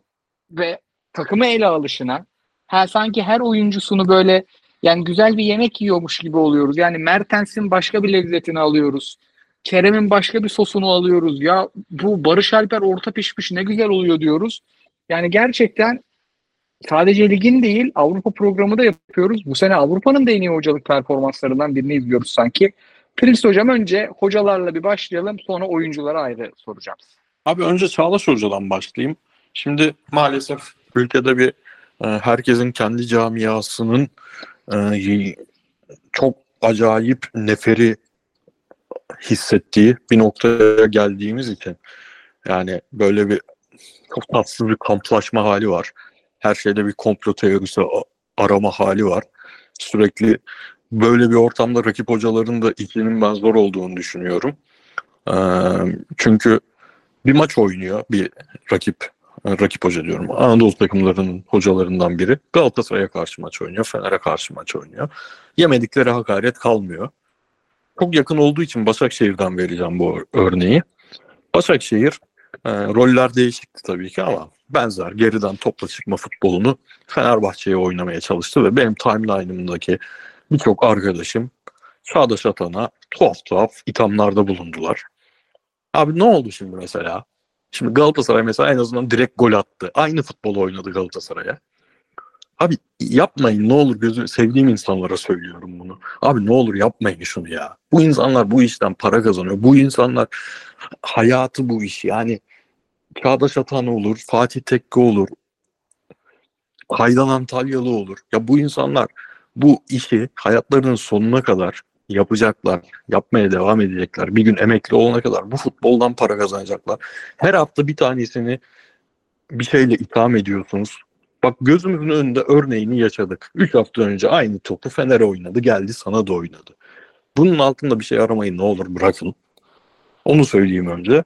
Sonra hocanın, Çağdaş Hoca'nın eee bek kullanımından girelim. Yani çok gördüğümüz bir şey değildir değil mi? Çok değil. Ben hiç gördüğümü hatırlamıyorum. Sağ beki sola koyayım, sol beki sağa koyayım, buradan bir şey üreteyim. Yani buradan rakibin zaaflarını e, ters ayaklı oyuncular üzerinden bir şeyler yapayım. E, Okan Hoca burada çok net, çok hızlı bir karar verdi. Fiziksel durumları görüp de özellikle e, topu Okan'a da atma alışkanlığında artık e, Kerem'in top kayıplarının hocayı da belli bir noktaya getirdiğini anlıyoruz. Saha içinde çok net bir değişiklik yaptı ve değişikliği yaptığı gibi karşılığını gördü. Dediğin gibi biz orta saha transferini takmaya devam etsek de Galatasaray kitlesi çoğunluğu bırakmıştı orta saha bekleyen yoktu. Biz hala takıyorduk. Kerem Demirbay da o ölçüde performans yükseltiyor. Ee, geçişte sıkıntı var tabii ki. Yine e, Galatasaray azıcık rahatladım dediği an azıcık önde baskının şiddeti biraz da yorgunlukla bir iki dakika dinlenelim kafasına girdiği an Başakşehir'de çok rahat şekilde orta sahayı çok rahat geçiyor. Orta sahadaki o geçirgenlik maalesef devam ediyor ama onun dışında hocayı her hafta övüyoruz, överiz de. Yani Barış Alper'in geldiği noktayı da bu çünkü zirveydi. Bu Barış Alper'in kariyerinin en iyi maçıydı bence. Bu herhangi bir futbolcunun senede böyle bir defa falan oynayabileceği bir maçtır bence. İçin hücum tarafında özellikle savunma tarafını zaten e, verilen ölçüde yapıyor da abi Galatasaray'ın Barış'tan çok daha yetenekli olan 2-3 tane oyuncusu Barış'ın verdiği pasları bak Barış'ı biz hep kuvvet, güç, çalışma üzerinden de değerlendiriyoruz da çok ince, çok teknik paslarını değerlendirebilseydi bugün Barış Alper'in e, istatistiğinin karşısında bir gol 3 asist yazıyordu. Ben de Acayip 4 bir saymışım. performans. Yazmışım buraya. Ha, Abi- offside'ı da saydım muhtemelen ben. Yani görmediğimiz bir dönüşüm bu ya. Bu e, oyuncular dönüşür de biz daha 4 ay önce burada şunu net konuştuk. O kadar canlı hatırlıyorum ki. Ya Okan Hoca izin olsun da Barış'ı hep kapalı savunmalara karşı 11 oynatıyorsun. O yüzden Barış laf yiyor tribünden. Galatasaray 1-0 öndeyken atsam Barış'ı biraz geç kalıyor Barış'ın oyuna girmesi Galatasaray öndeyken. Çünkü Barış'ı hala biz e, açık alan topçusu olması üzerinden tanımlıyorduk. Bak geçen seneden bahsetmiyorum ya. 4 ay önce böyle tanımladığımız oyuncu 5-6 maçtır önde oynadığı e, sürelerde. Çünkü adamın 90 dakikayı tek bir bölgede geçirmişliği yok. Önde oynadığı bölgelerde ince işler yaparak çok zekice işler yaparak. Yani Mertens'e bıraktığı Mertens'in e, şeyin üzerine vurduğu kalecinin Volkan'ın üzerine vu- vurduğu pozisyondaki pas. Orada kendisi vursa %60'lık bir e, gol ihtimali var. Çok yüksek bir ihtimal. Kendi vursa %60'lık ihtimali olan pozisyonu ilk dokunuşta %90'lık pozisyona dönüştürdü. 2-3 tane çalımı var. Bunu ilk e, bek oynayıp bek oynadığı dönemden önde oynamaya başladığı dönem ilk maçında söylemiştik. Bek oynamak Barış'ın o denediği çalımlarda çok işe yaramış gibi görünüyor. Çünkü örlemesini rakibin üstüne gitmek, fizikle geçmeye çalışmak yerine bir dokunuş yapıyor, rakibi bekliyor, rakibe göre kendini ayarlıyor falan. Hepsini tek paket gösterdi. Nazar değmesin ve helal olsun. Katılıyorum abi kelimesi kelimesine. Hatta Kıyıcı Hoca maça genelde girer de e, oyuncu performansından ona devam edeyim. Abi hem Barış Alper'i hazır övmüşken ben Mertens'e de bayılıyorum. Hatta Sparta Prag maçında en kritik adam bence yani şu fikstürü e, dar fikstürü bu yaşta bu tempoyla atlatabilirse uçuracak Galatasaray'ı. Hem Kerem Demirbay'ı Bir de üstüne Davinson'u çok beğendim. Yani zaten böyle ya bu şu, açayım da şu maç Davinson'un yaptıklarını bir Sports Wave'den sırf Davinson'u izleyeyim. Sırf Kerem izleyeyim falan dedirten maçlar genelde çok iyi teknik direktörlük gördüğümüz maçlar oluyor. Yani sadece oyuncunun performansı değil, hocanın o oyuncuyu kullanış tarzı da izletiyor kendini. Abi alayım ya bir genel bir oyuncu övgüsü alayım. Abi siz çok güzel getirdiniz. Ben üzerine sadece biraz ekleme yapayım bu konuda özellikle. Oyuncu performanslı başlayalım isterseniz. Oradan o konucuya getireyim konuyu. Şimdi öncelikle Barış Alper Yılmaz kardeşimi yürekten uzun zaman sonra böyle bir bir Türk oyuncuda, böyle genç bir oyuncuda burada futbola tutulma sanatı diyorum ben buna abi. Bu bir futbola tutunma hırsı, isteği, çabası, becerisi. Barış Alper Yılmaz Galatasaray'a geldiğinde Keçiören'de UEFA Avrupa Ligi'nde dahi zaman zaman süre bulan Galatasaray'ın çok kaotik bir e, sezonu 13. bitirdiği iki teknik direktörle sezonu tamamladığı bir dönemde geldi. Okan Buruk'un planlarında geldiğinde Yunus Akgün'ün sağ kenar, Kerem Aktürkoğlu'nun sol kenar oynadığı, Haris Seferovic'in santrafor oynadığı bir yapıda ne santrafor alternatifi düşünüyordu ne de kana, kanatta 11 başlayacak oyuncu olarak düşünüyordu.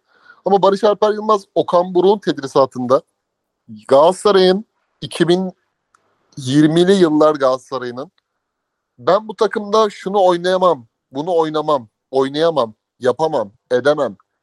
Hoca beni burada oynatıyor. Hoca beni yanlış oynatıyor. Aslında ben buranın oyuncusuyum ama hocam ne görev verirse hazırım gibi tırnak içinde kelimeler kullanmadan, basına konuşmadan, özel çalıştırıcı tutarak kademe kademe performansını büyüttü. Buna sadece şapka çıkartılır.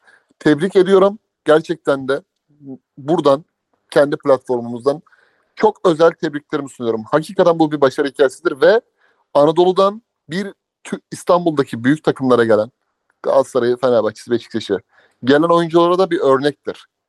Özel çalıştı. Sadece fizik çalışmadı. Pas oyunundaki yapmış olduğu hataları minimize edecek şekilde törpülemeye çalışıyor. Oyun içinde oyun nasıl akıyor ona bakıyor. Okan Hoca'nın yönlendirmeleriyle Kerem sağda, Barış solda. Barış sağda, Kerem soldayken birden Okan Hoca onu sola attı ve golü buldu. Top nerede dönüyor abi bakıyor. Bak top nerede, oyun nerede oynanıyor? Oyun ne tarafa doğru akıyor? Buna bakan oyuncu her zaman özel mahiyettedir abi. Bu özelliği Barış 23-24 yaşında kazandı. Yani Galatasaray'dan gittiğinde belki Avrupa Şampiyonası sonrası belki seneye. Gittiğinde bu ona çok büyük bir yol haritası kazandıracak oyun içinde. Ee, tebrik ve teşekkür sunuyorum. Müthiş bir formu var abi. Bu şekilde gelişmesi, gelişen oyuncuları zaten ekstra çok seviyorum da özellikle tuttuğum takımda bir Türk bir Türk oyuncunun bunu yapabilmiş olmasından mutluluk duyuyorum. Bunun üzerine koyup da geliştiren başka, başka oyuncular da var. Bir Kaan Ayhan var mesela. Saşa Boy'un yokluğunda oraya koyup da 7.5'luk, 7.4'lük, 7'lik performansları üst üste koyarak vermek önemlidir. Bir boyayı değil ama oyun içinde de her zaman mesela karşısındaki oyuncu e, Figueiredo tehlike yaratabilecek. Hatta ve hatta Dubois Figueiredo ile beraber oradan geldiğinde Emirhan'la beraber üçgenleri, dörtgenleri kuran bir oyuncu yapısına karşı hiç hata yapmadan, geçit vermeden Davinson'un da varlığıyla beraber tabii ki sağ stoper Davinson'u da es geçemem. Harika bir maç çıkarttı o da. Ee, Galatasaray şey buldu mesela hani Apo yokken, sakatken Nelson sol stoper. Biz oyunu buradan kurmayacağız. Davinson'dan kuracağız. Davinson, Kaan Ayhan, Kerem Demirbay. Zaten Okan Hoca şey yapmış abi hani senin tabirinle anlatacağım ben bunu. Ya beyler biz bıçak arası bir buçuk pide yiyeceğiz. Ama onun üstüne de böyle hani tatlıyı hafif yiyeceğiz yapmış yani. Biz bir önden iştahımızı doyuracağız. İlk 45'te fiş çekeceğiz. Tatlıya hafif hafif geçeceğiz yapmış Sparta Prag maçı öncesi. Yani Davinson, Kaan, Kerem Demirbay. Davinson oyun kurabiliyor mu? Kurabiliyor. Kerem Demirbay bu maçta oraya geçeyim. Kerem Demirbay geldi. Derinde topu aldı. Oyunu sola kurdu. Soldan Torreira ile Berkan'la beraber gelmeye çalıştı Galatasaray. Demirbay sağdan Aktürkoğlu ve Kaan Ayhan'la beraber orayı bir kurdu. Oyunu iki yönlü de hem ileri hem geri de oynadı. Bütün topları Demirbay'a atalım mı yerleştirdi zihinlere. Bu da Abi bence bir de ceza sahası koşuları. Pası Tabii. verip direkt koşu. Net koşu. Tabii. Hemen Hani ekstra adam yazdı Galatasaray'a. Şey yani. abi mesela Oğuzhan Özyakup bunu yapıyordu ya Şenol Güneş Beşiktaş'ında Veli Kavlan yerine Atiba'nın yerine Oğuzhan gelince ilk topu derinde Marcelo Oğuzhan'a atıyordu. Oğuzhan ilk topu alır almaz ters sıkıyordu mesela bakmadan. Onu çünkü Hollanda altyapısına kazanmıştı. Burada da Almanya altyapısında yapan Kerem Demirbay'ı görüyoruz. Bir şey soracağım sana. Oğuzhan Özya Özyakup'un e, keman çaldığı görselle Getirin Gaziantep'i Oğuzhan şov yapacak görselini sen mi dolaşıma sokmuştun? Keman çaldığını ben sokmuştum. 150 milyon euro böyle oynarsa hakikaten diye. Ama Demirbay'ın hakikaten size katılıyorum abi. Oyunu burada burada şey yani hani beyler pat ikinci ikiden üçe geçerken patron benim abi çok net kafaya yerleştirmiş. Kaan Ayhan Demirbay Davison Sanchez'in o sağ e, asimetrik sağ e, bölümde yapmış olduğu varlıkları zaten oyunun teminatı bence. Torreira da bunu eklenince zaten dört kişi bayağı bir işini bitiriyorsun yani rakibin. Mertens'le ilgili şunu söyleyeyim. Sezona gerçekten Şampiyonlar Ligi'nde yaşı gereği belki geç form tutması da olabilir. Mertens'in kariyerinde de bu dönemler vardır. Hani Calleon'la Hamsik'te oynayan, oynadığı takımda bile takır takır forvete koyup da mesela Sarri ondan sonuç alıyordu. Bu sezonda mesela şey açtı. Vücudunu tanıdığı için belki de belki de Okan Hoca onu o şekilde hani Şampiyonlar Ligi'nde çok onu yormayalım. Daha ekonomik kullanıp da ligde bana lazım burada dediği oyuncu Mertens'tir. Dries Mertens'tir belki de. Harika bir Mertens golü. Köşeye. Nakış gibi.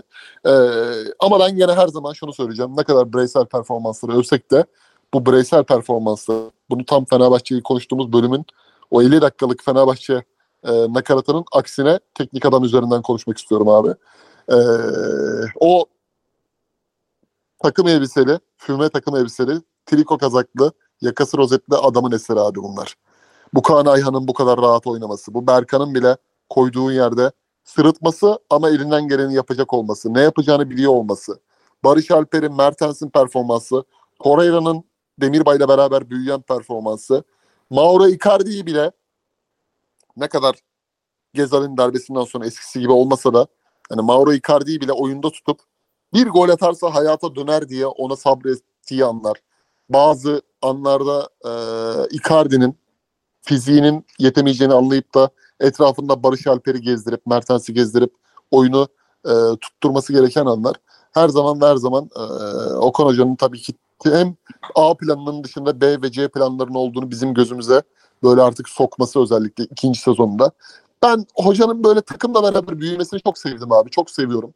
Ee, yani her hafta Okan Hoca'yı burada esaslı biçimde derseniz ki kıyıcı 10-5 dakika Okan Hoca özel yapalım orada da konuş. İnan konuşurum çünkü bundan çok büyük keyif alıyorum, mutlu kalıyorum. Galatasaray'ın e, Abi gel Okan Hoca övelim. Yok kardeşim övdüm de geldim. aynen aynen abi yani hiç hiç yayına falan gerek yok yani abi hani böyle WhatsApp'tan ses kaydını Twitter'a atıp bile Okan Buruk'u övebilirim. O bam, bam, bambaşka bir boyuta geçirdi bence Galatasaray'ı ve şeyi merak ediyorum abi hani bir filmi ortalarında yakalarsın sonunda acaba senin tahmin ettiğin kurguda mı gelişecek hikaye derinliği diye düşünürsün ya. Okan Buruk'un Galatasaray'ın da sözleşme uzatması dahilinde tabii konuşuyorum. Bir 5 sene sonra devam ettiğinde Galatasaray'ı nerede göreceğiz diye çok meraklanıyorum. Bu merak da beni o filmi sonuna kadar mutlaka nefessiz oturduğum yerden izlememe sebep verecek gibi görüyor. Ee, sebebiyet verecek gibi gösteriyor. Onun hayaliyle o filmin mutlu sonla biteceğini belki Avrupa'da bir yarı final, belki bir final, belki 5 sene üst üste dominasyon yeniden Fatih Hoca'nın rekorunu egal edecek şekilde bundan büyük mutluluk ve keyif duyduğumu da belirtmek istiyorum. Yabancı bir takımda izlemek de inşallah Galatasaray yönetimi artık elini sıkı tutup şu kontrat işini halleder o ayrı da yabancı takımda izlemek de artık benim çok net istediğim bir şey. Artık demeyeyim yani. 3 sene sonra falan inşallah. Bu, er, bu kadar erken değil ama o başka bir keyif. Yani gidip büyük bir ligde bir Türk antrenör artık hasret kaldık büyük ligde. İnşallah olur. Ol, ol, ol, olacağı da böyle gittiği takdirde garanti gibi. Abi film izleme konusunda bir şey söyleyeceğim. Yarıda yakalayınca keyif veren filmler. Liam Neeson filmleri. Kesin adamın ya. bir şeyini kaçırmış oluyorlar. Adamın oğluna biri okulda omuz atmış oluyor. Bu intikam almaya karar veriyor. Böyle 60. dakikadan izleyip son 30 dakikadaki aksiyonu izle yatıyor. Müthiş filmler o yüzden. Çok severim abi aynen katılıyorum. Nuri Abi Bilge'nin film şeye geliyormuş ha Netflix'e geliyormuş. Netflix'e geliyorsa izleriz tamam. Ama Bakarız o zaman. Netflix'ten değil. Deli adam. Şeyi diyeceğim abi. Ee, Okan Hoca ile ilgili. Futbol Kolik kanalı bu ara yine güzel maçlar basmaya başladı. İzliyorum abi. Türkiye Kupası maçları falan 97-98'in. Bugün dikkatimi çekti. Tabii ki Okan Oka, Hoca Barış'ın yanında çok inanılmaz tekniği olan bir oyuncuydu. O eyvallah. Ama böyle sağ 20 santim kısası gibi geliyor ya. Yani hocanın da her bölgede oynayabilmesi. Genelde Davala'ya benzetiyorduk ama şimdi bir Antep maçı izledim. Antep maçındaki hocanın hareketler falan, dripling şekli falan. Peki Mertens ve Torreira'nın kısalığında sağ içinde e, o kısa olmalarının her yere atak pirana gibi olmalarından keyif alıyor mudur kendi gençliğindeki gibi? Abi ondan alıyor mudur bilmiyorum da şundan net keyif alıyordur. Ben seninle bir yerdeyken bir fotoğraf çekinelim deyince çok canım sıkılıyor. Çünkü seninle ayağa kalktığımızda çok tatsız bir görüntü ortaya çıkıyor. Lan diyorum ki otururken çekin. Otururken çekelim. Hoca sırf fotoğraf çekerken Mertens'e Torreira'nın verdiği güven yüzünden Mertens'i yollamayalım ya diyordur. Mesela Mertens hiçbir şey oynamasa diyordur. Çünkü bizim gibi kısalar için abi kendimiz gibi adam lazım foto çekinirken yanımızda. Onun keyfi başkadır yani. Bu arada Ama bir şey Leipzig'i söyleyeyim abi. inanılmaz doğuruyor hakem. Bu, bu, bu söylediğine dair bir tane kare söyleyeceğim. Bu tabii fot, boy uzunluğu değil de İrfan Hoca'ya geçen gün Zaha Türkiye Kupası maçında meseleyi uzattığında Okan Hoca'nın kalkıp da o büyüdüğünü gördüm ben resmen Zaha'nın yanında. Kalktı kulübeden çıktı. Omzuna dokunmasıyla susturdu içeri soktu abi. Gördünüz değil mi o kareyi? Abi Hı hı. bak çok iyi yönetiyor. Çok çok iyi yönetiyor. Bence o yöneti e, oyuncu yönetme, kriz yönetme konusunda tek arızası geçen sezon başı bir Gomis'le ilgili bir durum vardı ki onu da açıklamayı arızalı bulmuştum. Sonrasında içeride o kadar iyi halletmiş ki. Ama burada İsmail Hoca'ya şöyle bir haksızlık yapılıyor abi. Bak İsmail Hoca da çok önemli bir kariyer geçirmiş futbolcu olarak. Ama Fenerbahçe'nin tek şampiyonluk yaşadığı bir dönemde geçirmiş bunu. Okan Buruk futbolculuğunu Türkiye futbol tarihinin en iyi yani bir takımının en istikrarlı başarı döneminde geçirdi. Avrupa'da futbol oynadı. Avrupa'nın önemli takımında çok önemli hocalarla, çok önemli oyuncularla futbol oynadı. Döndü. Ee, tabii ki o da tırnaklarını kazıyarak Elazığlardan başlayarak Akhisarlar, Rizelerle bir Başakşehir takımına geldi. Çok önemli bir şampiyonluk yaşadı. Ama en nihayetinde bu adam böyle bir kariyeri var. İki tane şampiyonluğu var. O yüzden Okan Hoca Zaha meselesini o kadar kolay çözebiliyorken Riza'nın da İsmail Hoca'nın onun kadar etkili olmaması çok normal abi. Çok ayrı yerlerden geldi adamlar. Ben İsmail Hoca'ya o konuda çok fazla yüklenildiğini düşünüyorum. Aynen yani e, doğru bir rekabet şekli değil bence de. Ve ikisinin de şu konuda hakkını vereyim abi.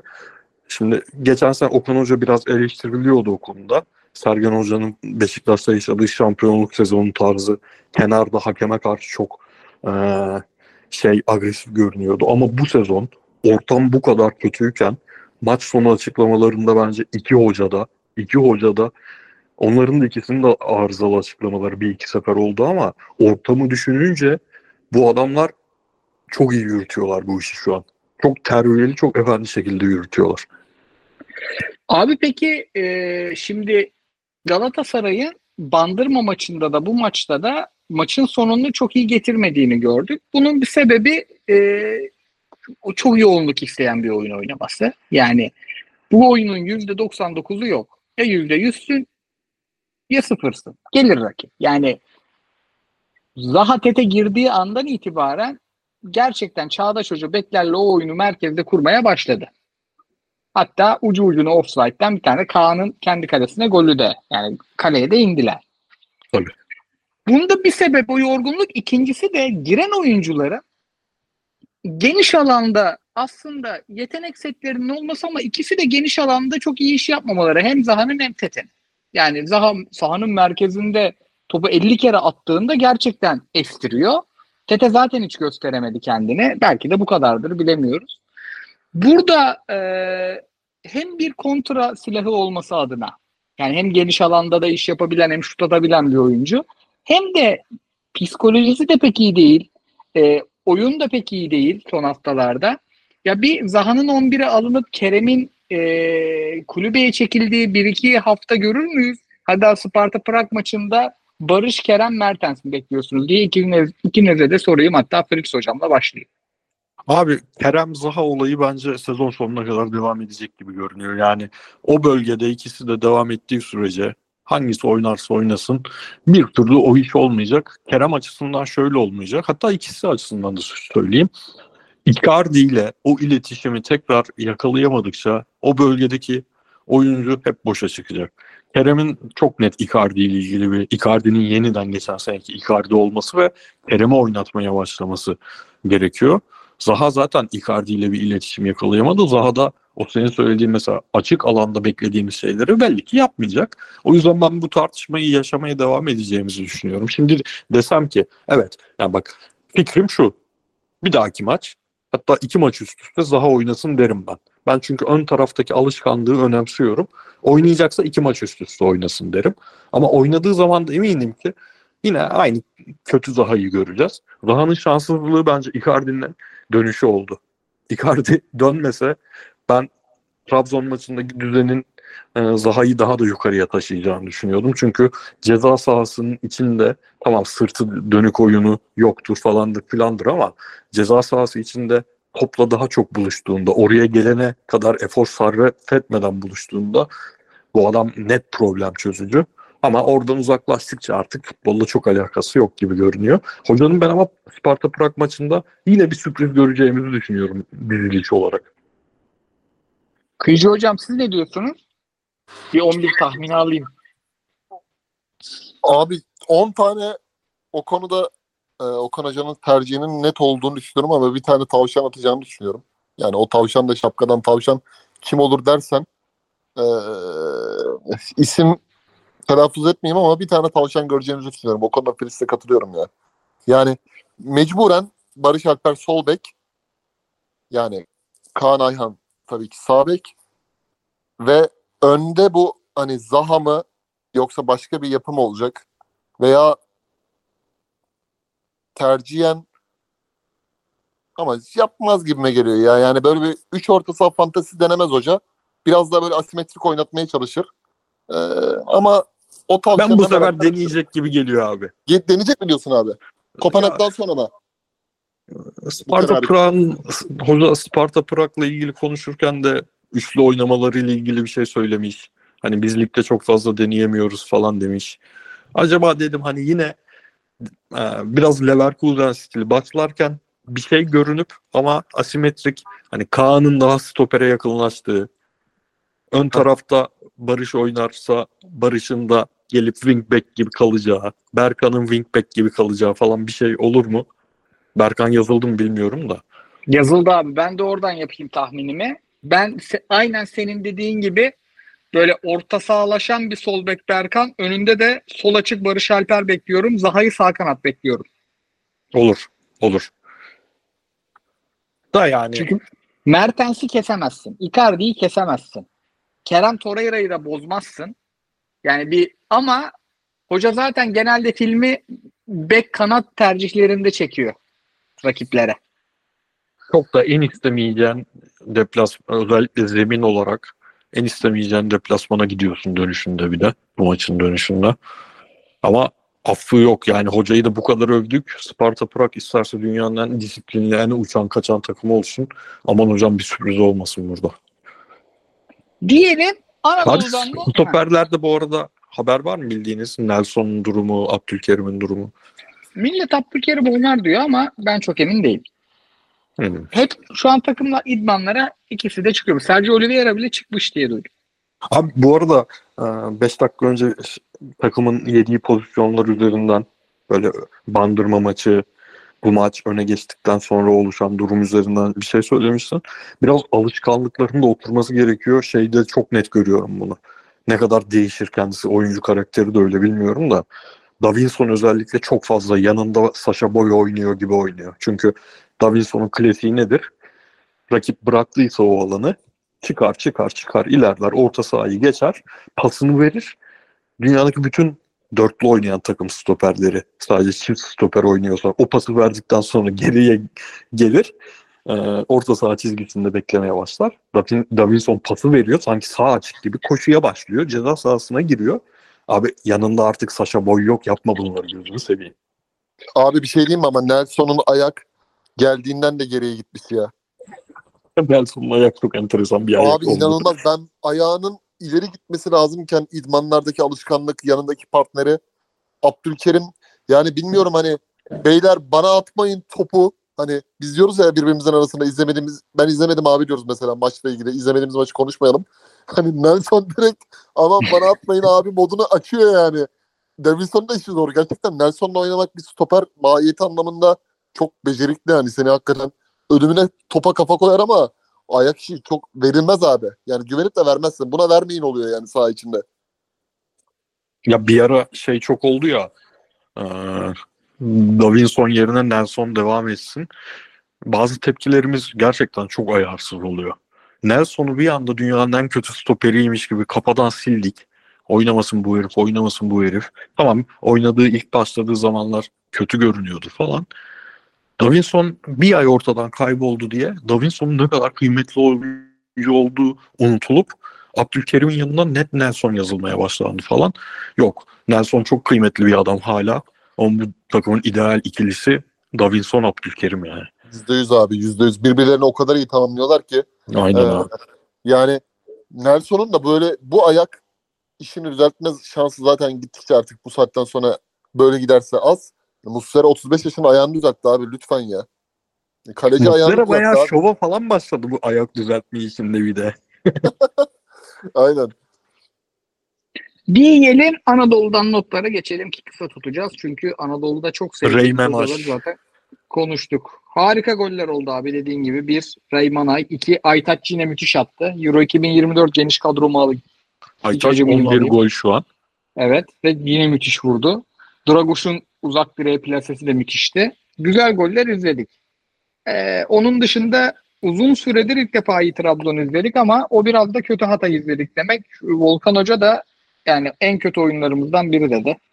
Ee, işi kolay değil hocanın. Yani anlattığı şeyler de hocalık yapmanın kolay olduğu bir ortam değil. Ee, ama yani kendisi de söylemiş zaten kötülerdi. Trabzon'u da beğendim. Yani e, Enis Bardi'nin golü de çok iyiydi.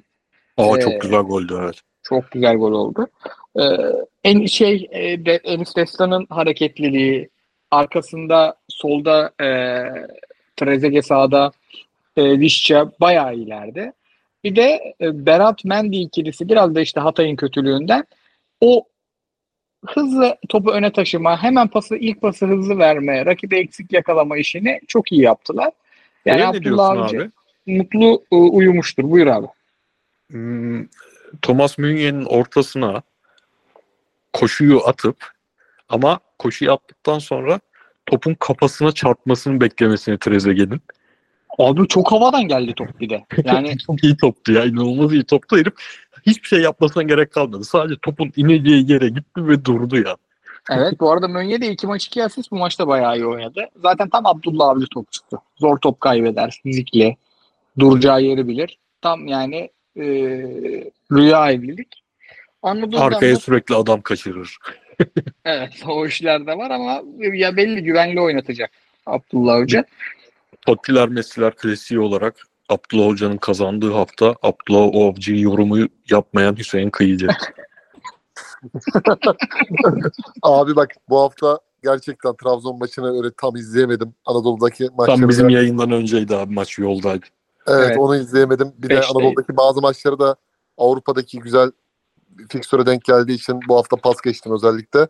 O yüzden hiç topa girmiyorum yani. Sakın şey anlaşılmasın yani. Abdullah Avcı kazandı. Aynen. Maç 5'teydi. Ben 5'te kanaldaydım. Siz 5'te yoldaydınız. Evet. Ondan Abi şunu ben- yapardık ama bak. Ben de yapardım. Trabzonspor 1, Hatay Spor 3. Mesela bu maçın 20 dakikalık özetini falan bulup izlerdik. Yok canım o zaman şey yapardınız zaten. Yani beyler onda değil 10.45'te girelim. Ben açtım Trabzon maçının tekrarını giriyorum derdik. Ama Bir de- zaten birimiz izledi. Bir de abi bu hafta hani biliyorsunuz Re- Real Girona, Leverkusen, Münih, işte Roma Inter kendi Avrupa YouTube programımızda bile Roma Inter'i konuşamadık yani. O kadar sayıda maç vardı ki. ya. Hani Avrupa'ya o yüzden hiç bakamadım abi. Şey, Bir Süper de Lig'in şey Anadolu'dan olur. notlarına bakamadım yani. Şey olur. O konuşmadığımız maç yorumlarda gelir. Abi biraz da Serie A konuşun. Şu Inter'in geri dönüşü nasıl konuşulmaz falan mutlaka bir yazar. Fikstür o kadar doluydu ki bu gece korka yani akşam korka korka baktım yorumlara hiç kimse yazmamış. Yani izleyici de tamam lan bu kadar konuşulup şey yapmayalım demiş. Diyelim fikstüre geçelim. Fikstürümüz ee, bakalım 10 üzerinden 6'lık bir tahmin yapıyorum fikstüre. Cuma günü akşam 8 Kasımpaşa Karagümrük. Zor açarım. Ne yalan. Ha doğru zaten cuma akşamı rezervasyon yaptırmadığımı hatırladım şimdi. Biz cuma akşamı e, Şivas ikinci bölgeden izleriz bu maçı. Abi Ee, ama an- Kasımpaşa 3'te 3, 5 maç 4 galibiyet. Karagümrük'ün de öyle bir durumu olması lazım. Evet, Yok. Karagümrük'ün öyle bir durumu yokmuş. Karagümrük bir kazanıyor bir kaybediyor ama bence güzel maç olur bu. Evet evet Ben izleyene tavsiye de ederim de ben muhtemelen. ben cuma akşamı açmam çünkü bu hafta 120 maç izleyeceğiz. Cumartesi 13.30 Antalya İstanbul. Sergen Hoca yani kimi oynatsa izlerim. Ama İstanbul Spor devre arasında olan oyuncuların bazılarından da çıktı. Yani bu takım küme düşecek. O inşallah oyuncular ligde kalır. Yani Ben Antalya için tersini düşünüyorum abi. İstanbul Spor rahat yenerler o ayrı da. Antalya Spor bence çok geriye gidiyor. Ligin en heyecan verici 2-3 tane oyuncusu Antalya Spor'da. Sergen Hoca'nın takım 20 dakika tempo koyup falan 70 dakika dilleri dışarıda geziyor maalesef. Samsun evet. maçı da öyle olmuş yani. Hatay Sivas Cumartesi 16. Ee, Sivas fena gitmiyor. Hatay'ın geri dönüşü için önemli. Cumartesi 19. Rize Spor Fenerbahçe. Ee, Rize bu hafta kaybetti. Yanlış hatırlamıyorsam. Sivas'a kaybetti hatta. Abi Ama kaybetti. İyi oynayıp kaybetti. Ben bu sezonun ilk yarısında en azından son 4-5 haftaya kadar İlhan Palut 1-0 geriye düştükten sonra hiçbir şey yapamama halini açmış artık. Yani bu takım ya 0-0 ya 1-0 önde oynadığı zaman ancak maç kazanabiliyor şekli vardı. Bu sene aç, açmış diyordum. Şu son dönem Rize'nin hali gol yedikten sonra yani hiçbir şey yapamıyor. Yine kilitlendi kaldı İlhan Pal- Palut Hoca. Kendisini de bir türlü yukarıya atamama bir tık üst takım seviyesine atamama durumu bence. Maç 1-0 olduğu an bitiyor ya takım. Burada Ve çok e, bu, bu takımın şey- da çok heyecan verici özellik oyuncuları var stoperde falan. bu maç sert olur ama. Ee, maç sert olur. Ee, Fenerbahçe için çok önemli bir maç. Ee, geldik pazar gününe. Pazar 13.30 Alanya Adana Demir. Adana Demir 8 maçtır kazanamıyor. Ama e, yani burada Fatih Tekke Hoca'nın o yıpratıcı Fenerbahçe maçından sonra dönüşü önemli. Bir puan durumunu düşme tarafına bakıyorum. İstanbul düşmüş 11 puan. Konya 25 puan. Hiç kolay değil işleri. Ama fena top oynamıyorlar. Pendik 26 puan. 4 takım düşüyor. Ee, Antep 27 puan. Antep'i çok kötü buldum. Ee, şey Alanya 28. Hatay 28. Bunlar özellikle Hatay kötü. Yani Hatay burada aşağı inebilir. Pendik mesela Hatay'dan iyi oynuyor. Kayseri 29. Hiç belli olmaz Burak Yılmaz'la. Ankara gücü 29. Adana 31. Bak 4 puan var düşme potasıyla aralarında. Ciddi ciddi 8 maçtır kazanamayan takım ve çok hani krizi kaldırabilecek bir ruh halleri de yok. Ben geçen şeyi izledim. Dinledim Space odasında e, Murat Sancak bütün taraftarları falan azarlıyor. İstiyorsanız ayda ne kadar gider olduğunu söyleyeyim ödeyin falan diyor yani. Garip garip Abi- e, açıklamalar yapıyor. Çünkü belli ki adam çok para harcıyor ve yani tribün miribün hiç belli ki yani beraber yola çıktığı o taraftar grupları vesaireler de yavaş yavaş kendisine mi dönmüş ne olmuş garip bir siniri vardı adamda. Ee, hiç iyi görmüyorum hallerini sahanın içinde de. Ya normalde şey deriz ya puan farkı az bile olsa arada çok takım olduğu zaman yok abi yani puan farkında değil bir sürü takımın aynı anda kötü gitmesi lazım falan deriz. Mesela düşme hattı öyle değil sanki. Dediğin gibi arada bir sürü takım var. Denip geçilebilecek bir durum değil. Net aday yani. 31 puanlı Evet, evet. takım da net aday. Çünkü lig öyle bir lig ki aradaki her takım gerçekten üst üste üçer maç kazanabilir ve sen Evet. orada bulabilirsin kendini. Bak çizgiyi 10. Adana Demir'den çektik. Sivas düşmez. Yani Bülent Uygun Reymana'yı tabana sürer gibi oynatıyor bir şekilde götürür. Ama ondan aşağısı sıkıntı. O yüzden her maç önemli aslında. Yani şu Ha- Kayseri Spor'un lan dördüncü olur mu bunlar dediğimiz günler bir ay önce falan ya. İşte o bir ay önceden beri yani malzemeci bile maaş alamıyor muhtemelen.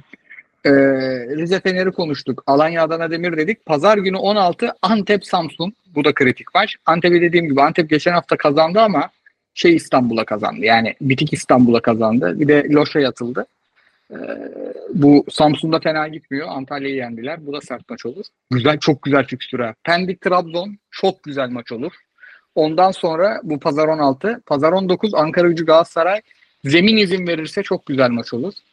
Ee, pazartesi 20 Başakşehir Kayseri Beşiktaş Konya. Beşiktaş Konya'yı tercih ederiz muhtemelen ama Beşiktaş Konya da çok önemli maç iki takım için. Pazartesi Konya mi zaten abi? düşme potasında. Evet. Hmm. Abi Konya Spor'la ilgili bir şey söyleyeyim.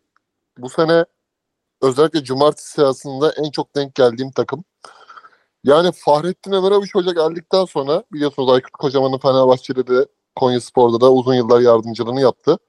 Ya Konya Spor bir 50 dakika falan böyle abi hani siz Afkon'la ilgili dediniz ya şu takım mesela Nijerya mıydı? Bir takım böyle bekliyor dediniz. Hiçbir şey yapmadan bekliyor. Konya Spor bekliyor abi. Ama bir 20 dakika oyunun içinde ve bunu sürekli yapıyor. Bir 20 dakika öyle bir top oynuyor ki dersiniz ki Jack Wilshere'lı falan Arsenal geldi. Cazorla'lı Wilshere'lı falan. Ben böyle bir takım yapısı anlayamadım abi. Morenos, Çukaleşi, işte öndeki diğer oyuncular, hani bekler. Abi ama skoru alamıyorlar ya. Ya direkten dönüyor ya kaleci inanılmaz böyle bir jeneriklik planjon yapıyor.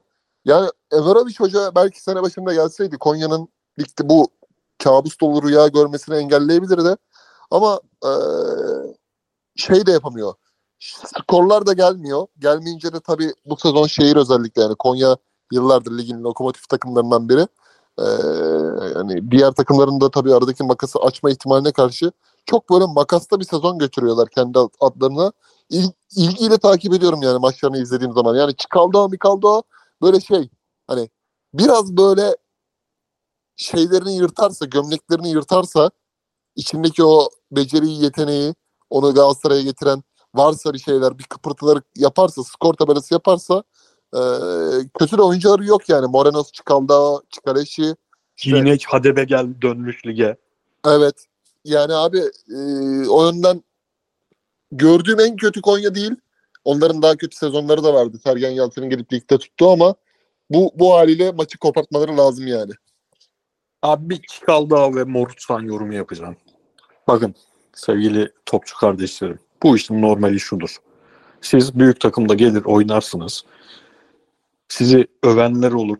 Büyük bölümümüz bunları nereden buldunuz der kızar falan. Ama size gönülden bağlananlar olur. Arada öyle bir top oynarsınız ki bu takımdan gittikten sonra o sizi öven azınlık ya gördünüz mü Çikaldağ'ı der. Ya kardeşim 30 maç oldu bir tane şöyle top oynayın ya. Bir tane yok maçınız ya. Aldım verdim aldım verdim bir tane bana bana mesela gelip atıyorum. Feris Efendi beğenmiyordun Çikaldağ'ı. İki gol bir asist. Bir tane yapın şundan bana ya. Yanlış Vallahi- mıyım abi? Ya çıkıldı o Hakan Keleş varken iyiydi. Çünkü o Abi topu bak, alt iyi- iyilik kalenin demiyorum. etrafında İki gol bir asist. Bir tane Öyle yok maç. yani. Bir tane yapsınlar ya artık. Mesela Rize Spor'un o kamera açısı kötü stadında çekip de böyle bir tane sağ uzak köşeye bırakması lazım yani. O, o onun ilacı abi. O Konya'nın ligde kalması gerekiyorsa orada onu yapacak. Morutan bir şeyler yapıyor gene bu arada Ankara gücünde.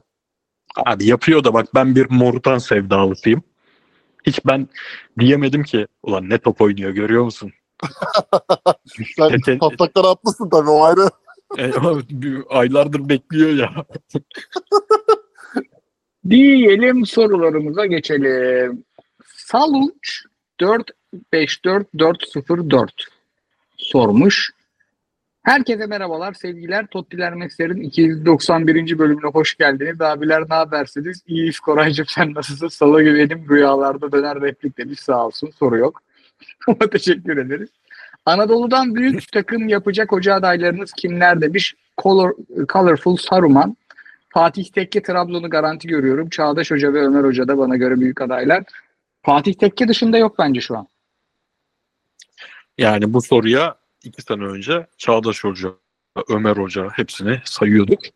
Maalesef Çağdaş Hoca Başakşehir beraberliği bizim beklentimizin dışında gidiyor. Ben hala haksız eleştirildiğini düşünüyorum. Haksız herkesin kendi takımı penceresinden bakıp oynattığı futbolla ilgili yorum yaptığını düşünüyorum ama e, beklentimizin altında gidiyor. Şu an Fatih Hoca. Fatih Hoca'nın da yeri garanti de işte doğru yönetimin gelmesi lazım Trabzonspor'a. Bir de Çağdaş Hoca Demirkol'un röportajında şey dedi yani büyük takımdansa Avrupa'ya gitmeyi tercih ederim dedi. Kendi öyle bir hedefi de yok. Yani Fatih Hoca'nın Trabzon'u çalıştırmak istediği gibi bir hedefi yoktur yani. Ama işte Avrupa'dan kasıt ne ve hayatın gerçeklerinde çok karşılığı olan bir durum değil. Yani muhakkak hocanın hani İsviçre'den falandan filandansa Avrupa saygı duyuyorum. Evet evet oralara da var hoca. Ha, tamam. O ayrı canım. Yani Ben Avrupa değil yani büyüklük Şeyi düşünüyorum. biliyorum abi. Sparta Prag bayağı görüştü hocayla. Ya muhakkak yani. De beklentimiz çok büyüktü Avrupa. Çağdaş Hoca'dan ya. Yani Ama artık bak oralardan belki de abi oralardan yükselecek. Yani adamın bir kabiliyeti, yapabilirliği var. Gösteriyor. Belki de öyle bir yerde çıkacak. Yani oranın şampiyonluk adayıyla bir tane kazanıp koparacak işi. Ha yani mesela Bazel'e gitsin atıyorum. Maç kaçırmadan izlerim ya. Ciddi söylüyorum. Aynen aynen. Yani Fatih Hoca gitti şeye atıyorum Fiorentina'ya. Panathinaikos'a hemen alırım hocayı. Çağdaş Atan'la ilgili kariyerinde Enerji Cottbus var abi Almanya'da. Yani ben Çağdaş Hoca'yı Türkiye'de Beşiktaş dışında bir takımın getireceğini düşünmüyorum. Hani Fenerbahçe Galatasaray bence olmayacak. Ki zaten Beşiktaş'ta top oynadığı için Trabzon ve Beşiktaş ihtimaller dahilinde olur gibime geliyor.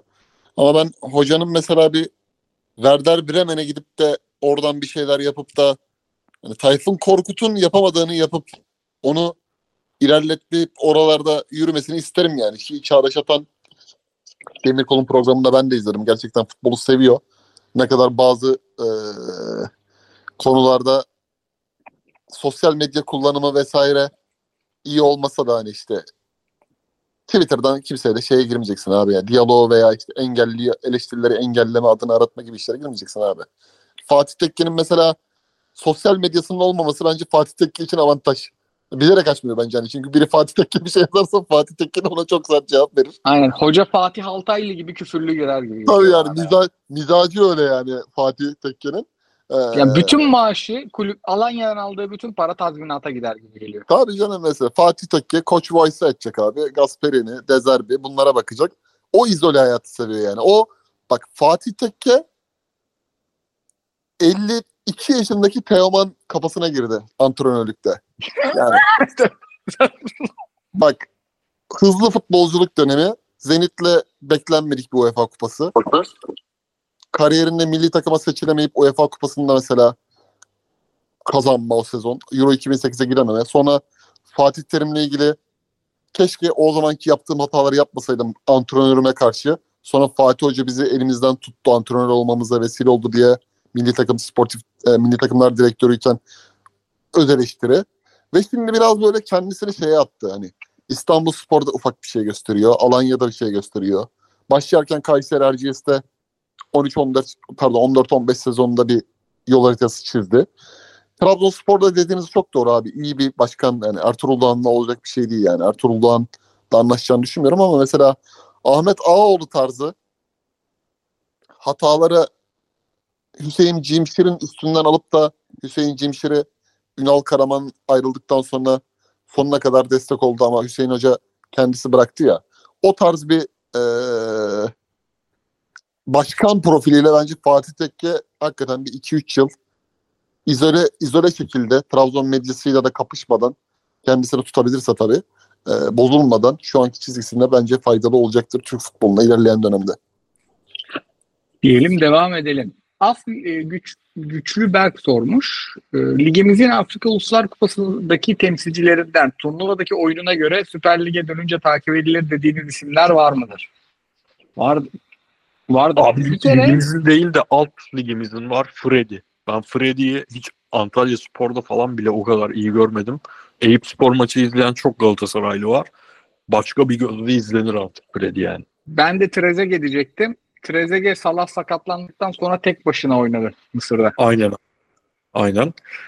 Başka da kimler vardı ki? Orye umut vermedi bana. Onu Yani kafadan söyleyeyim. Oriye'nin rolü zaten Galatasaray'dan net belli. Ya oraya Kaan'ın yedeği olur. Öyle diyeyim. Evet şu an öyle de hani o da biraz şeye bakar abi. Dediğim o Davinson'un yanında boy var gibi ileriye dönüp çıkıp arkayı boşalttığı bir pozisyon. Kaan yetişemez yanından geçen birine. Çok uzak ara bir fark yer falan. Sonra bir anda yangın olur. Zaten o işi yapsın diye alındı. Çok topa dokunmasın. İnsanları kovalasın diye alındı. Ama keşke Gelson Dalay'ı alsa tekrar bizim bir Evet. takım. Gel Sondala, Diakite. O agaları isteriz buralarda. Bütçe, bütçelere de uygun. Yeşil burun, meşil burun yok mu ya bize hakikaten ulan Uy! Real Madrid. Brahim Diaz yıktı Of. ya. Leipzig Tamam. yıktı ya. Tamam. Ya üz- sen üzmeyen yıkma. bir goldür. Rodrigo yıksın. Arda Güler oyuna girsin. Lavuk adam ya. Abi bırak bizim adam atsın ya. Abi benim adam attı ya. Diyelim devam edelim. Hörgüç sormuş. Selamlar. Objektif geçilen Galatasaray bölümleri tatmin etmiyor. Hocam 291 bölümdür tatmin edemedik demek bu. ne neymiş abi? Ne geçilen? Objektif geçilen Galatasaray bölümleri ta- Ne tatmin demek etmiyor. Yani Ne mesela biz şunu yapmıyoruz ya. Aslında Abi, şunu tamam, diyor dur, adam. dur, Maçtan dur, tamam. bir gün sonra değil de maç sonu reaksiyon yapsak daha renkli oluruz harbi. Hayır canım onu demiyor. Şunu diyor. Abi siz niye Rasim Ozan Kütahyalılık, Ahmet Ercanlık yapmıyorsunuz diyor. Yapmayacağız abi. Tatmin etmemeye Ha, devam onu-. Veya dur Bak- yapayım. Hemen yapayım. Abi bütün takımlar bir oldu Galatasaray'ın şampiyonluğunu engelliyor. oldu mu? Çok başarılı oldu mu? Bir ben- en iyi olur. hayatımın futbol izlediğim hayatımın yarısını Galatasaray şampiyonluğu izlemiş bir insan olarak önce Galatasaray ayıp sayarım. Öyle şeylerden ağlamayı. Sonra kendime ayıp sayarım. O yüzden Ben objektif Galatasaray'a- getirmeye devam. Galatasaray özel program istiyor abi bu adam. Dur hemen şey yaptık. Bu ekibe Hayır bir de abi objektif geçilen ne olduğu belli ya. Objektif geçilen. Bu ekibe bir de Ardalar, Ozanlar, Keremler isminde Galatasaray özel bir program yakışmaz mı? Al işte adam. Bu arada yapacağız. Daha ne kadar Galatasaray öveceğiz ki hocasını ayrı topçusunu ayrı övdük yani kardeşim. İsmail Kartal'la Okan Buruk farkını anlattık ya. Ben bir yani, duyuruları şimdi yapmayayım harbi. Ama Örgüç Hoca geliyor bu tarz. Yani senin istediğin eğer hakikaten Galatasaray'ın haklarını savunmamızsa öyle bir şey bir ömür bizden gelmez de Galatasaray'la ilgili bir şeyler geliyor. Yani podcast son- tarihinde ilk defa bir konuya agresif girdim. Aynen. Onda da agresif olmadığımızı düşünen insana girdim galiba. Bir Aynen. takipçi ve dinleyici kaybettirdim. Kusura bakmayın. Estağfurullah, estağfurullah kaybetmemişizdir. Azgın son sormuş. Nick'e bak abi. Özgüvenli Nick. Abiler selamlar. Barış Alper Yılmaz sizce kaç milyon euro eder? En sevmediğim soru biliyor musun? Bunu ben de çok soruyordum. Bu oyunculara eşya muamelesi yapmak gibi gelmeye başladı. Sanırım yaşlanıyorum. Boş ver abi. 40 milyona satarım ama. İçimdeki ayıyı da durduramadım. Abi oluru yani ayaklara yere basan 25 falandır ya. Katılıyorum. Katılıyorum. Tabii. Şımardım. Futbol 20 timeline. Benim, bence şu an 15 abi. Gene Oo. uçmaya başladı ama 15 bence şu an. Değil mi? Yani böyle anlık sezonun bitmeden sezonu bitmeden oyuncunun fiyatını belirleyemezsin zaten. Dünyada öyle bir barem yok yani. Öyle bir ölçüm durumu yok. Sezon da bittiği zaman bile ölçemezsin. Çünkü Avrupa Şampiyonası var. Evet. Avrupa Euro Şampiyonası 2024. oynayacak. Öyle. Şartlar e, hangi takımın istediği çok önemli. O takımın şartları önemli. satan takımın şartları çok önemli. O anki durum çok önemli. Şimdi seneye bir yabancı kuralı tekrar değişiyor. Bu yabancı kuralı benim gözümde şu demek. Senin 5 tane çok iyi yerli oyuncun olması lazım demek. Benim Evet. gözümde sahada 11 yabancı bulundurmak, totalde 12 yabancı bulundurmak, senin 5 tane çok iyi senede oynayacağın işte ligde artık ligdeki maç sayılarını da bilmiyoruz da 38 miyiz şu an? Şu an 38 maçın önümüzdeki sene normale dönüyoruz. 34. Tamam. oynayacağın 34 maçın 25'inde sahada kalabilecek, sahada 11 oynayacak 5 tane bence oyuncu, yerli oyuncuya ihtiyacın var. Şimdi böyle bir koşulda eee, artık diğer rakamları da gördükçe isteyen takımın bütçesine göre 15 mesela o açıdan az olur bana. Dediğim gibi normal şartlarda gerçekçisi 15'tir ama senin yerli oyuncuya ölümcül şekilde ihtiyacın varken 15 benim için azdır o yüzden. Böyle Ben- şeyler çok belirleyici olacak bu rakamlarda yani. Ben Tabii, Euro tabii. 2024'ün çok belirleyici olacağını düşünüyorum Kıyıcı Hoca'nın dediği gibi. Bir de Galatasaray'ın UEFA serüveni. Tabii. Yüzde yüz abi yani işte biz diyoruz ya mesela Prag'ı eledikten sonra bir tur daha geçmesi Tur daha. lazım iyi rakip gelirse. Hani onları yaparsa zaten oyuncu başka bir vitrininde kendini göstermeye başlayacak Avrupa Şampiyonası ile beraber. O zaman da e, mesela Sasha Boy'un gidişi Bayern maçı eşleşmesi. Mesela Barış Alper örneğin örnek veriyorum abi. Mesela Guardiola'u şeyde paramparça etti ön elemede. Ama Guardiol ile Avrupa Şampiyonası'nda veya atıyorum Kyle Walker'la Avrupa Şampiyonası'nda omuz omuza da bir patates yaparsa bunu bir tane daha böyle Guardiol'un takım arkadaşını o zaman 15 çarpı 2,5 katı veya 2 katı her neyse oraya geçer. O yüzden ben şimdi bir barometre açmanın yanlış olduğunu düşünüyorum. Ama şu an şu an selamun aleyküm Galatasaray'ın kasasına 500 milyon TL lazım diye bir durum olursa Barış Alper duruyor elinde mesela anlık. Yiyelim devam edelim. Futbol Timeline'ım sormuş. Koray golü şimdi izledim de abi bu başka bir gol atmış ya çok acayip bir gol. Fırlamanın abi fırlama harbiden ayağıyla da- vuruyor, ara, ayakla vuruyor, gözle döndürüyor topu. Şey gibi büyücü bu lavuk. Gururla izledim ya. Hatta tweet de atayım dur. Futbol Timeline'ım demiş ki Beşiktaş özelinde son iki maçta kendi oyununu dikte etmekten çok e, uzaklı bence. Sanırım bir virgül eksik okudum. Cümlede sorun yok. Ben yanlış okudum. Galatasaray 13. olduğu sezonda dahi maçın oynanış tarzını büyük ölçüde belirliyordu. Buna çok katılamadım. Beşiktaş'ın büyük takım kimliği değil fakat niteliği düşünülenden daha mı fazla ze- zedelendi? Katılmıyorum ya. Bir tane Allah kitap hücum oynayan hoca gelir. Ondan sonra yani maçlar 8-7 falan bitmeye başlar Beşiktaş. Çok büyük şey. Ben dün İnönü stadındaydım. Toplantıdaydım. Bizim çekim dündü değil mi abi? Evet dün Beşiktaş. İnönü'deydim. Size söyleyeyim büyük takım refleksleri çatır çatır duruyor. Vızır vızır yöneticiler giriyor çıkıyor. Böyle çok şey Beşiktaş başka bir ekosistem ya. Bir de bazı şeyler çok çabuk geri dönüşü olmuyor. Şimdi Beşiktaş bazı kırılma anları yaşadı. Bence e, 2011 zamanı girdi, 2011-2012 zamanı sonrası girdiği feda dönemi çok önemli bir kırılmaydı. O feda döneminin devamında gerçekten dediği durum olmaya çok yatkın bir hal almaya başlamışken Fikret Orman çok önemli bir süreç yönetti.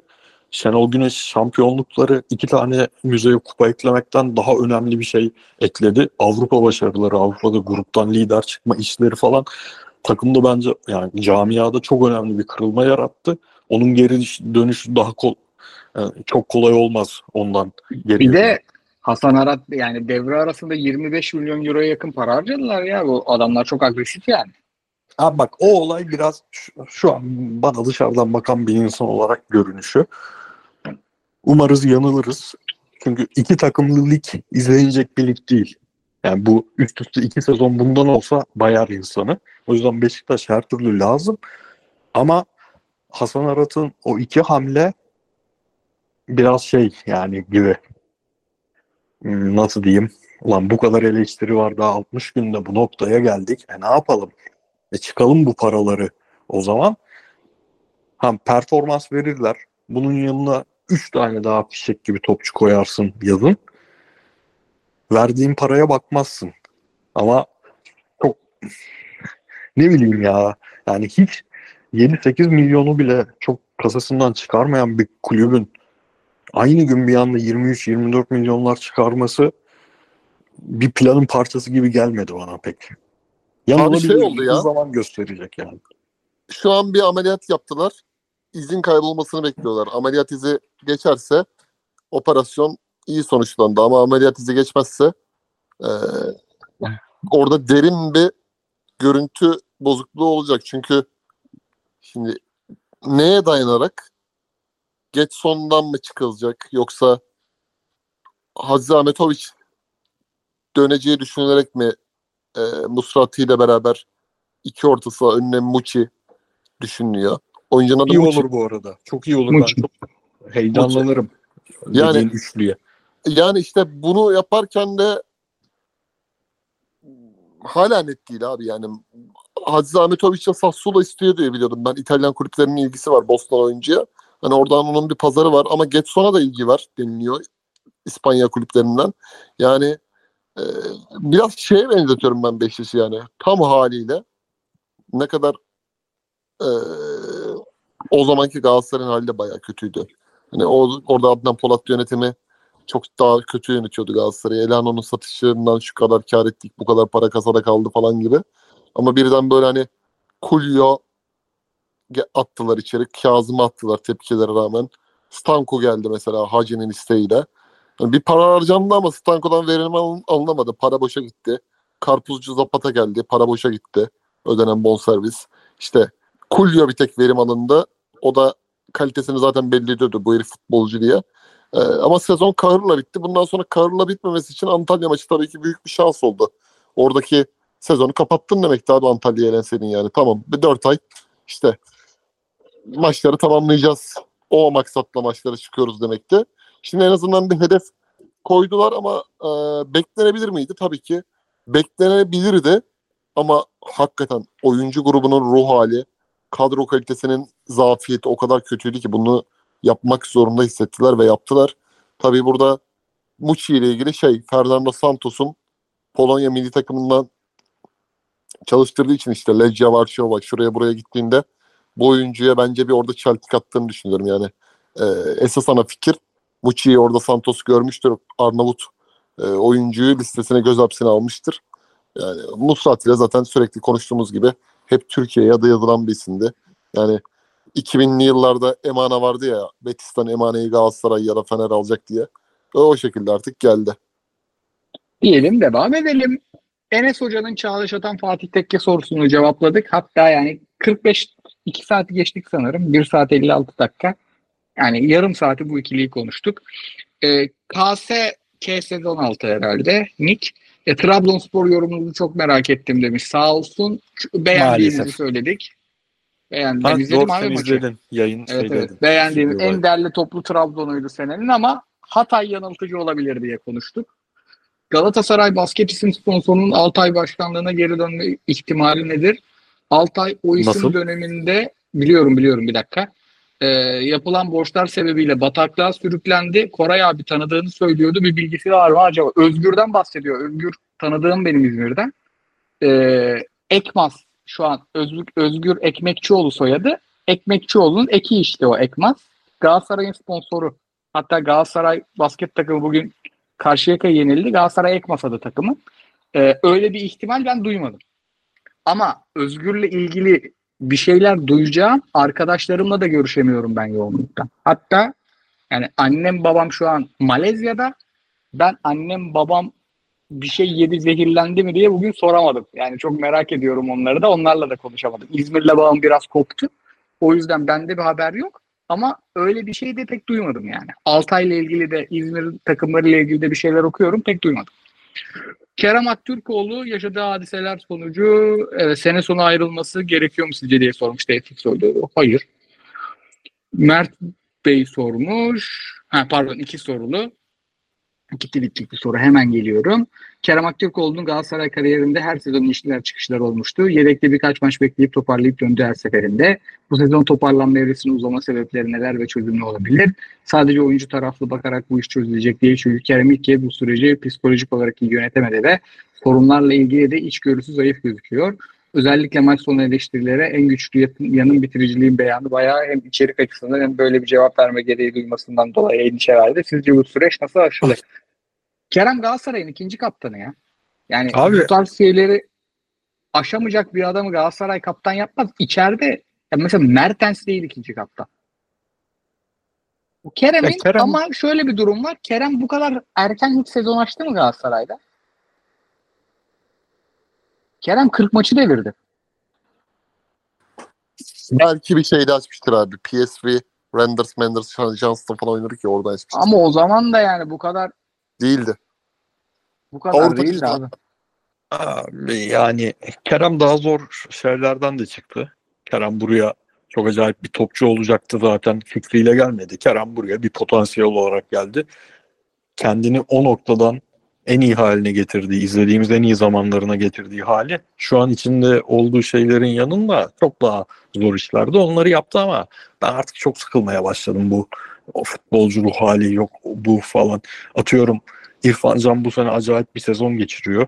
İrfan Can'ın Fenerbahçe'de geçirdiği 3 sene, İrfan Can'ın Fenerbahçe taraftarıyla o 3 sene içinde yaşadığı şeylerin çeyreğini yaşamadı Kerem.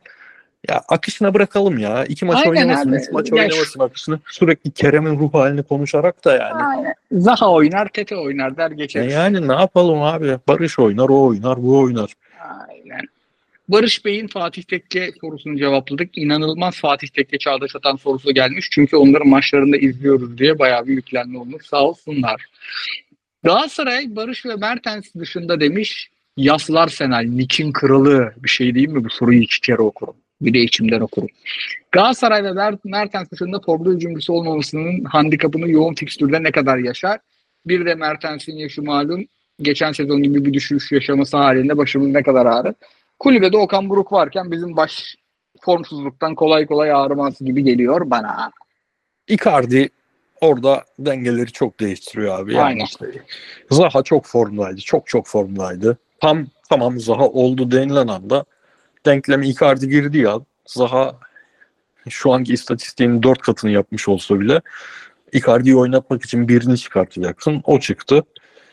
Hmm, Icardi tam hayalimizdeki Icardi şeklini almadıkça o problem kolay kolay çözülmeyecek. Çünkü ne kenara alabiliyorsun ne sahada tam istediğin şeyi alıyorsun.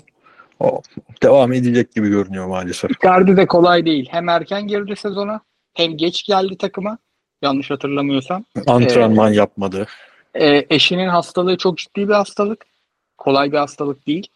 Duyduğumuz bildiğimiz kadarıyla. Ee, zaten hani futbolu bırakmayı düşünüyor falan diye Arjantin'den haberler çıkmıştı. Onun üstüne kendi yaşadığı sakatlık.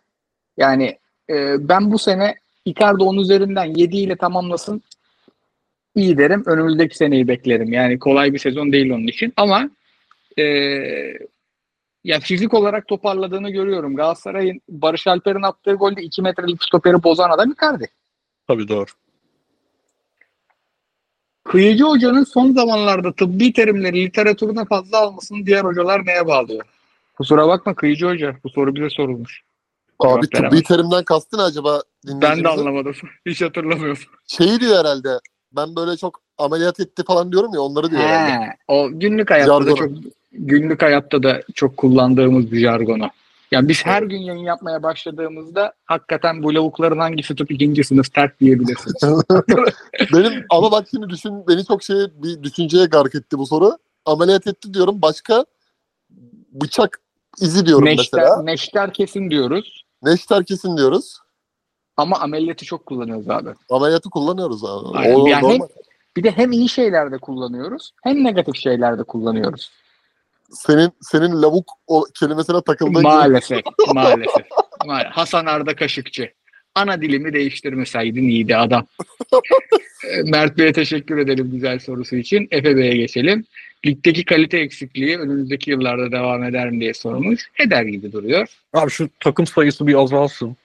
Takım sayısı azaldıktan sonra e, inşallah Allah nasip eder de daha düzgün bir ekonomi, birazcık düzelmiş bir ekonomi ve şu 11-12 yabancı kuralını ısrar edilirse yani haliyle artık çok nokta atışı olması gerekiyor falan. Oradan bir ümidim var benim. Ben yeni kupanın da kupa e, formatının da genç oyuncuları parlatacağını düşünüyorum. Yine bu İsviçre usulü. Grup e, lig karışık bir şey. Daha çok maç oynayacak çocuklar. Türkiye Kupası da mı öyle oluyor? Evet evet. Onun formatını atayım abi size. Güzel. Tam bizlik format oldu. Barış Alper'in en iyi mevkisi ne diye sormuş. Galli Galli yani. Bence çok iyi bir sağ açık bu adam. Bence de katılıyorum. Muharrem Bey bunu normalde şey diye düşünüyordum. İşte e, takım 1-0 öne geçtikten sonra inanılmaz bir topçuya dönüşüyor orada diye düşünüyordum. Bu düzenli yaptığı için artık şans değil, denk gelme işi değil. İki aydır, iki aydır o bölgede oynadığı zaman normalde hani sağ kanatta sol ayaklı oyuncu isteriz. İdeali odur ama onun o attığı rakibi bekleyerek çalımları var ya çizgiye inip içeriye zehir kestiği. Eskiden Hı o hı. içeriye geçebilirse rakibi çok kötü toplar çıkarıyordu. Hiçbir işe yaramıyordu. Şimdi bunu deli gibi yediriyor ya. Ve farklı farklı Evet. beklere deli gibi yediriyor. Acayip bir ekstra katıyor takıma. Takım oraya Abi- yerleşip onun ayağına attığı zaman topu çok acayip bir ekstra katıyor. Şu an harbiden ayı gibi biliyor musun? Koşsan yakalar, yüzsen yüzer, ağacacık tırmanır. Harbi ayı gibi. Yani savunmacının bütün her şeyinin komple iyi olması lazım karşısında. Üst üstüne kafayı kaldırıyor artık. Evet. Muharrem Bey Perşembe sabahı için yolluk geliyor demiş. Muhtemelen Galatasaray Prag maçı için şehir dışından İstanbul'a gelecek. Eğer bunu doğru tahmin ettiysem Muharrem Bey bizim podcast'te bir fav atarsanız süper olur. Gala sormuş. Ee, Galatasaray UEFA Lig ve Kupayı aynı anda götürecek kadro derinliğine sahip değil gibi bir yerde UEFA ve Türkiye Kupası'nın salar takım gibi geliyor. Hiç katılmıyorum. Abi UEFA'yı salmamalı zaten. Yani Aynen. tekrarlayıp duruyoruz kendimize. Hasretiz abi. Grup, ay, grup diyorum. Eleme geçmeye hasretiz ya. Kura heyecanı devam etsin. Ya- Kura heyecanında olmayalım. Ama şey olarak katılıyorum abi. Hiç dillendirmiyoruz da. İşte bu takımın stoperi de az. Bu takımın Türkiye Kupası oynayacak kadar stoperi de yok. Abdülkerim sakatken Nelson bir sakatlık geçirdi ve eyvah dedik yani her yeri Kaan Ayhan yedekleyemez. Çok net bu takımın bir dördüncü stoper ihtiyacı varmış mesela. Abi kupada dört maç kalmadı mı zaten? Abi kaldı da sonuçta bir şey ekliyor sürekli o maçlar. Bir tane bile kalmış olsa mesela dön döndün önemli bir maç ertesi kupa maçına çıkacaksın. Şeyi diyemiyorsun. İki tane oynamayan stoperimi atayım diyemiyorsun. Yine oynayanlardan biri sahada sürekli kalmak zorunda. Kalır kalır abi bunlar ya. Harbiden ligin şu kalitesinde her gün maç yapsa yapsınlar ya. Emin Bayram'ı da Stock City istiyor bu arada ciddi şekilde. Emin Bayram'ı bu arada Stoke City alamaz. Stoke City'ye kötü bir haberim var. Daha büyük takıma gider. Emin beğenmez. Bir buçuk yıldır istiyorlar. Bir buçuk senedir Evet hatta ama abi Emin Belki bu sene de- feci Emin feci öne attı kendini. Yani kaçırdılar bence. Özgür Bey City dur be abi. Stoke City kaçıncısın? Ya Championship'te 20.sin. Küme düşmeyle aranda üç Sponsorlu puan yayında. var. Tanıdık Stoke biri değil değil mi bunların sahibi?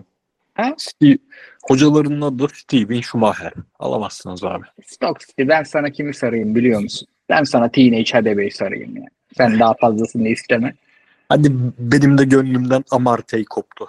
Aynen Amartey'i vereyim sana bak. 20. değil 18. bitirecek, bitirecek adamdır. Özgür Turan Bey sormuş. Kıyıcı Hoca'nın yeni tarzı konuşulur mu? Abi sen tarzı değiştirdin ya. Abi saçı kestirdim ya biraz. Ha, Geçen ama eski- her kestirdiğinde aynı şekilde. Esas Fritz değiştirdi abi. Fritz kafayı vurdurdu bir numaraya. işte geçen Abi- eski açıkta kastet ka- gördüler ya onu diyor herhalde. Ya Ha. ben dün yayında hafif sana döndüğümde ulan kıyıcı saçımı kestirmiş diye düşündüm. Sonra kaynadı gitti. Evet evet. Çünkü geçen eski açık yorumlarda da aa kıyıcı abi saçı kestirmiş falan diye bayağı şey gelmiş. Bence daha Eski açığa mı sakal. çıktın abi sen? Efendim abi? Eski açığa mı çıktın? E, Şeyle tanserlerle çıktık cumartesi günü. Böyle Ha, tamam, haberdarız. tamam, tamam. Böyle haberdarızdır ha birbirimizden. Yok Aslında abi biz ben onu ileride bir yayın olarak düşündüm ya. İleride Yok beraber. yok maç sonunda çıktık abi canlı. Ha, tamam, Kaçırmayız ha. Bir şey değil mi? Kaçırmayız bu yayınları. Abi e, bir de bize Serengeti Lisesi deneyimini sormuş. Ben tek cümleyle özel, özetleyeyim. Hayvan gibi özledim. Şimdiden özendi evet. Aynen. Mesela oynanmış mesela geçen Afrika Uluslar Kupası'nın günlük podcast'ini yapmak geldi aklıma. Şampiyonu şey mi yapsak? biliyoruz.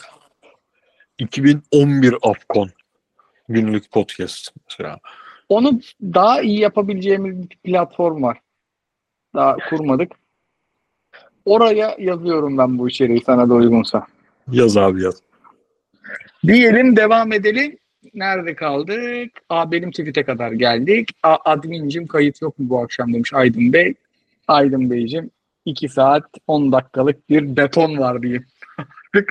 Abiler ekleyeceğiniz bir şey var mı? Abi ekleyeceğim şey şu. Bu kısmı kesip yayının başına koyalım. Bu yayını tek günde tüketilmez zaten. Bu yayını 5 güne bölsünler. Akşam yemeğinden sonra tüketilsin bu yayın. Vallahi millet sabah yola yedirecek gibi duruyor Praga gelirken. Prag e, maçına İstanbul'a gelirken. Abi Oy, valla Vinicius ne yapmış? Direkten döndü.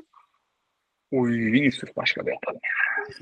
Valla çok keyif aldığım yayınlardan bir tanesi oldu. Bunun tabii ki e, Galatasaray'ın kazanıp da Fenerbahçe'nin puan kaybıyla ilgisi yok Kesinlikle desem yok. İnanmayın. Kesinlikle. yok desem inanmayın tabii ki. Yalan söylemiş olurum. Sergen Yok canım. tane. E, Tamamen Fatih Tekke'nin ve Çağdaş Atan'ın konuşulduğu bir yayın oldu. Gözünüze dizinize dursun be. Fenerbahçe dinleyicilerimiz. Ama e, ligin boyu salmaya başladıkça oyunların çok çok daha iyi düzelmesi gerektiğinden ziyade takımların artık dur kalk yapan oyunlarının biraz daha gelişmesi lazım abi. Çok böyle o maçı alması gerekiyorsa o takımların az önce Konya Spor örneğinde bahsettiğim gibi e, alması lazım. Bu tabii yukarıya da o hem oyun aç- açısından hem de maçın kalitesi açısından yansır. E, o haftalar girdiğimizi düşünüyorum. Çünkü son 12-13 hafta Şubat'tan sonrası, Şubat'ın ortasından sonrası ligin oyun kalitesi değişir. Biz de burada daha çok keyifli futbola dair e, anlatılar gerçekleştiririz inşallah. Özellikle sponsorumuza da tekrar desteklerinden dolayı teşekkür ederiz. O zaman sana bu sözlerinin başında o benim hastası olduğum kısmı tekrar soruyorum. Ligin boyu kısaldı değil mi abi? Orada o Abdullah Avcı'nın basın toplantısı peki nasıl? Sen onu biliyorsun değil mi? Aynen. Takım boyu, takım boyu mevzusu mu abi? Takım boyu. Orada soruyu soran Kamil abi değil Allah'tan ya. Yoksa ben Kamil abi Evet. çok severim. Başka Evet. biri sormuş yani. Yerel bir muhabirden bir tanesi. Oyuncuların boyuyla ilgili anlıyor değil mi Evet, ah be abim. Ah be abim. Ya tamam UEFA lisansınız olmasın da. Takım boyu Diyelim. da Erman Toroğlu 1998 senesinde literatürümüze sokmuştur. Yok konuşulmaz. Şey konuşulur daha ziyade. Aynen Asistli- Nagelsmann. Aynen Nagelsmann. Takım boyu Türkçe şeye e, terminolojiye katkı konuşulmaz. Yok pastırma muhabbetini konuşuruz. Abilerim ağzınıza sağlık. Mediamarkt'ın sunduğu Tottiler Messi'lerin bu bölümünün sonuna geldik. Haftaya bir sürü güzel maç izleyip yine sizlerle olacağız. Abilerim tekrar ağzınıza sağlık. Efendim hoşçakalın. Sağlık abi görüşürüz.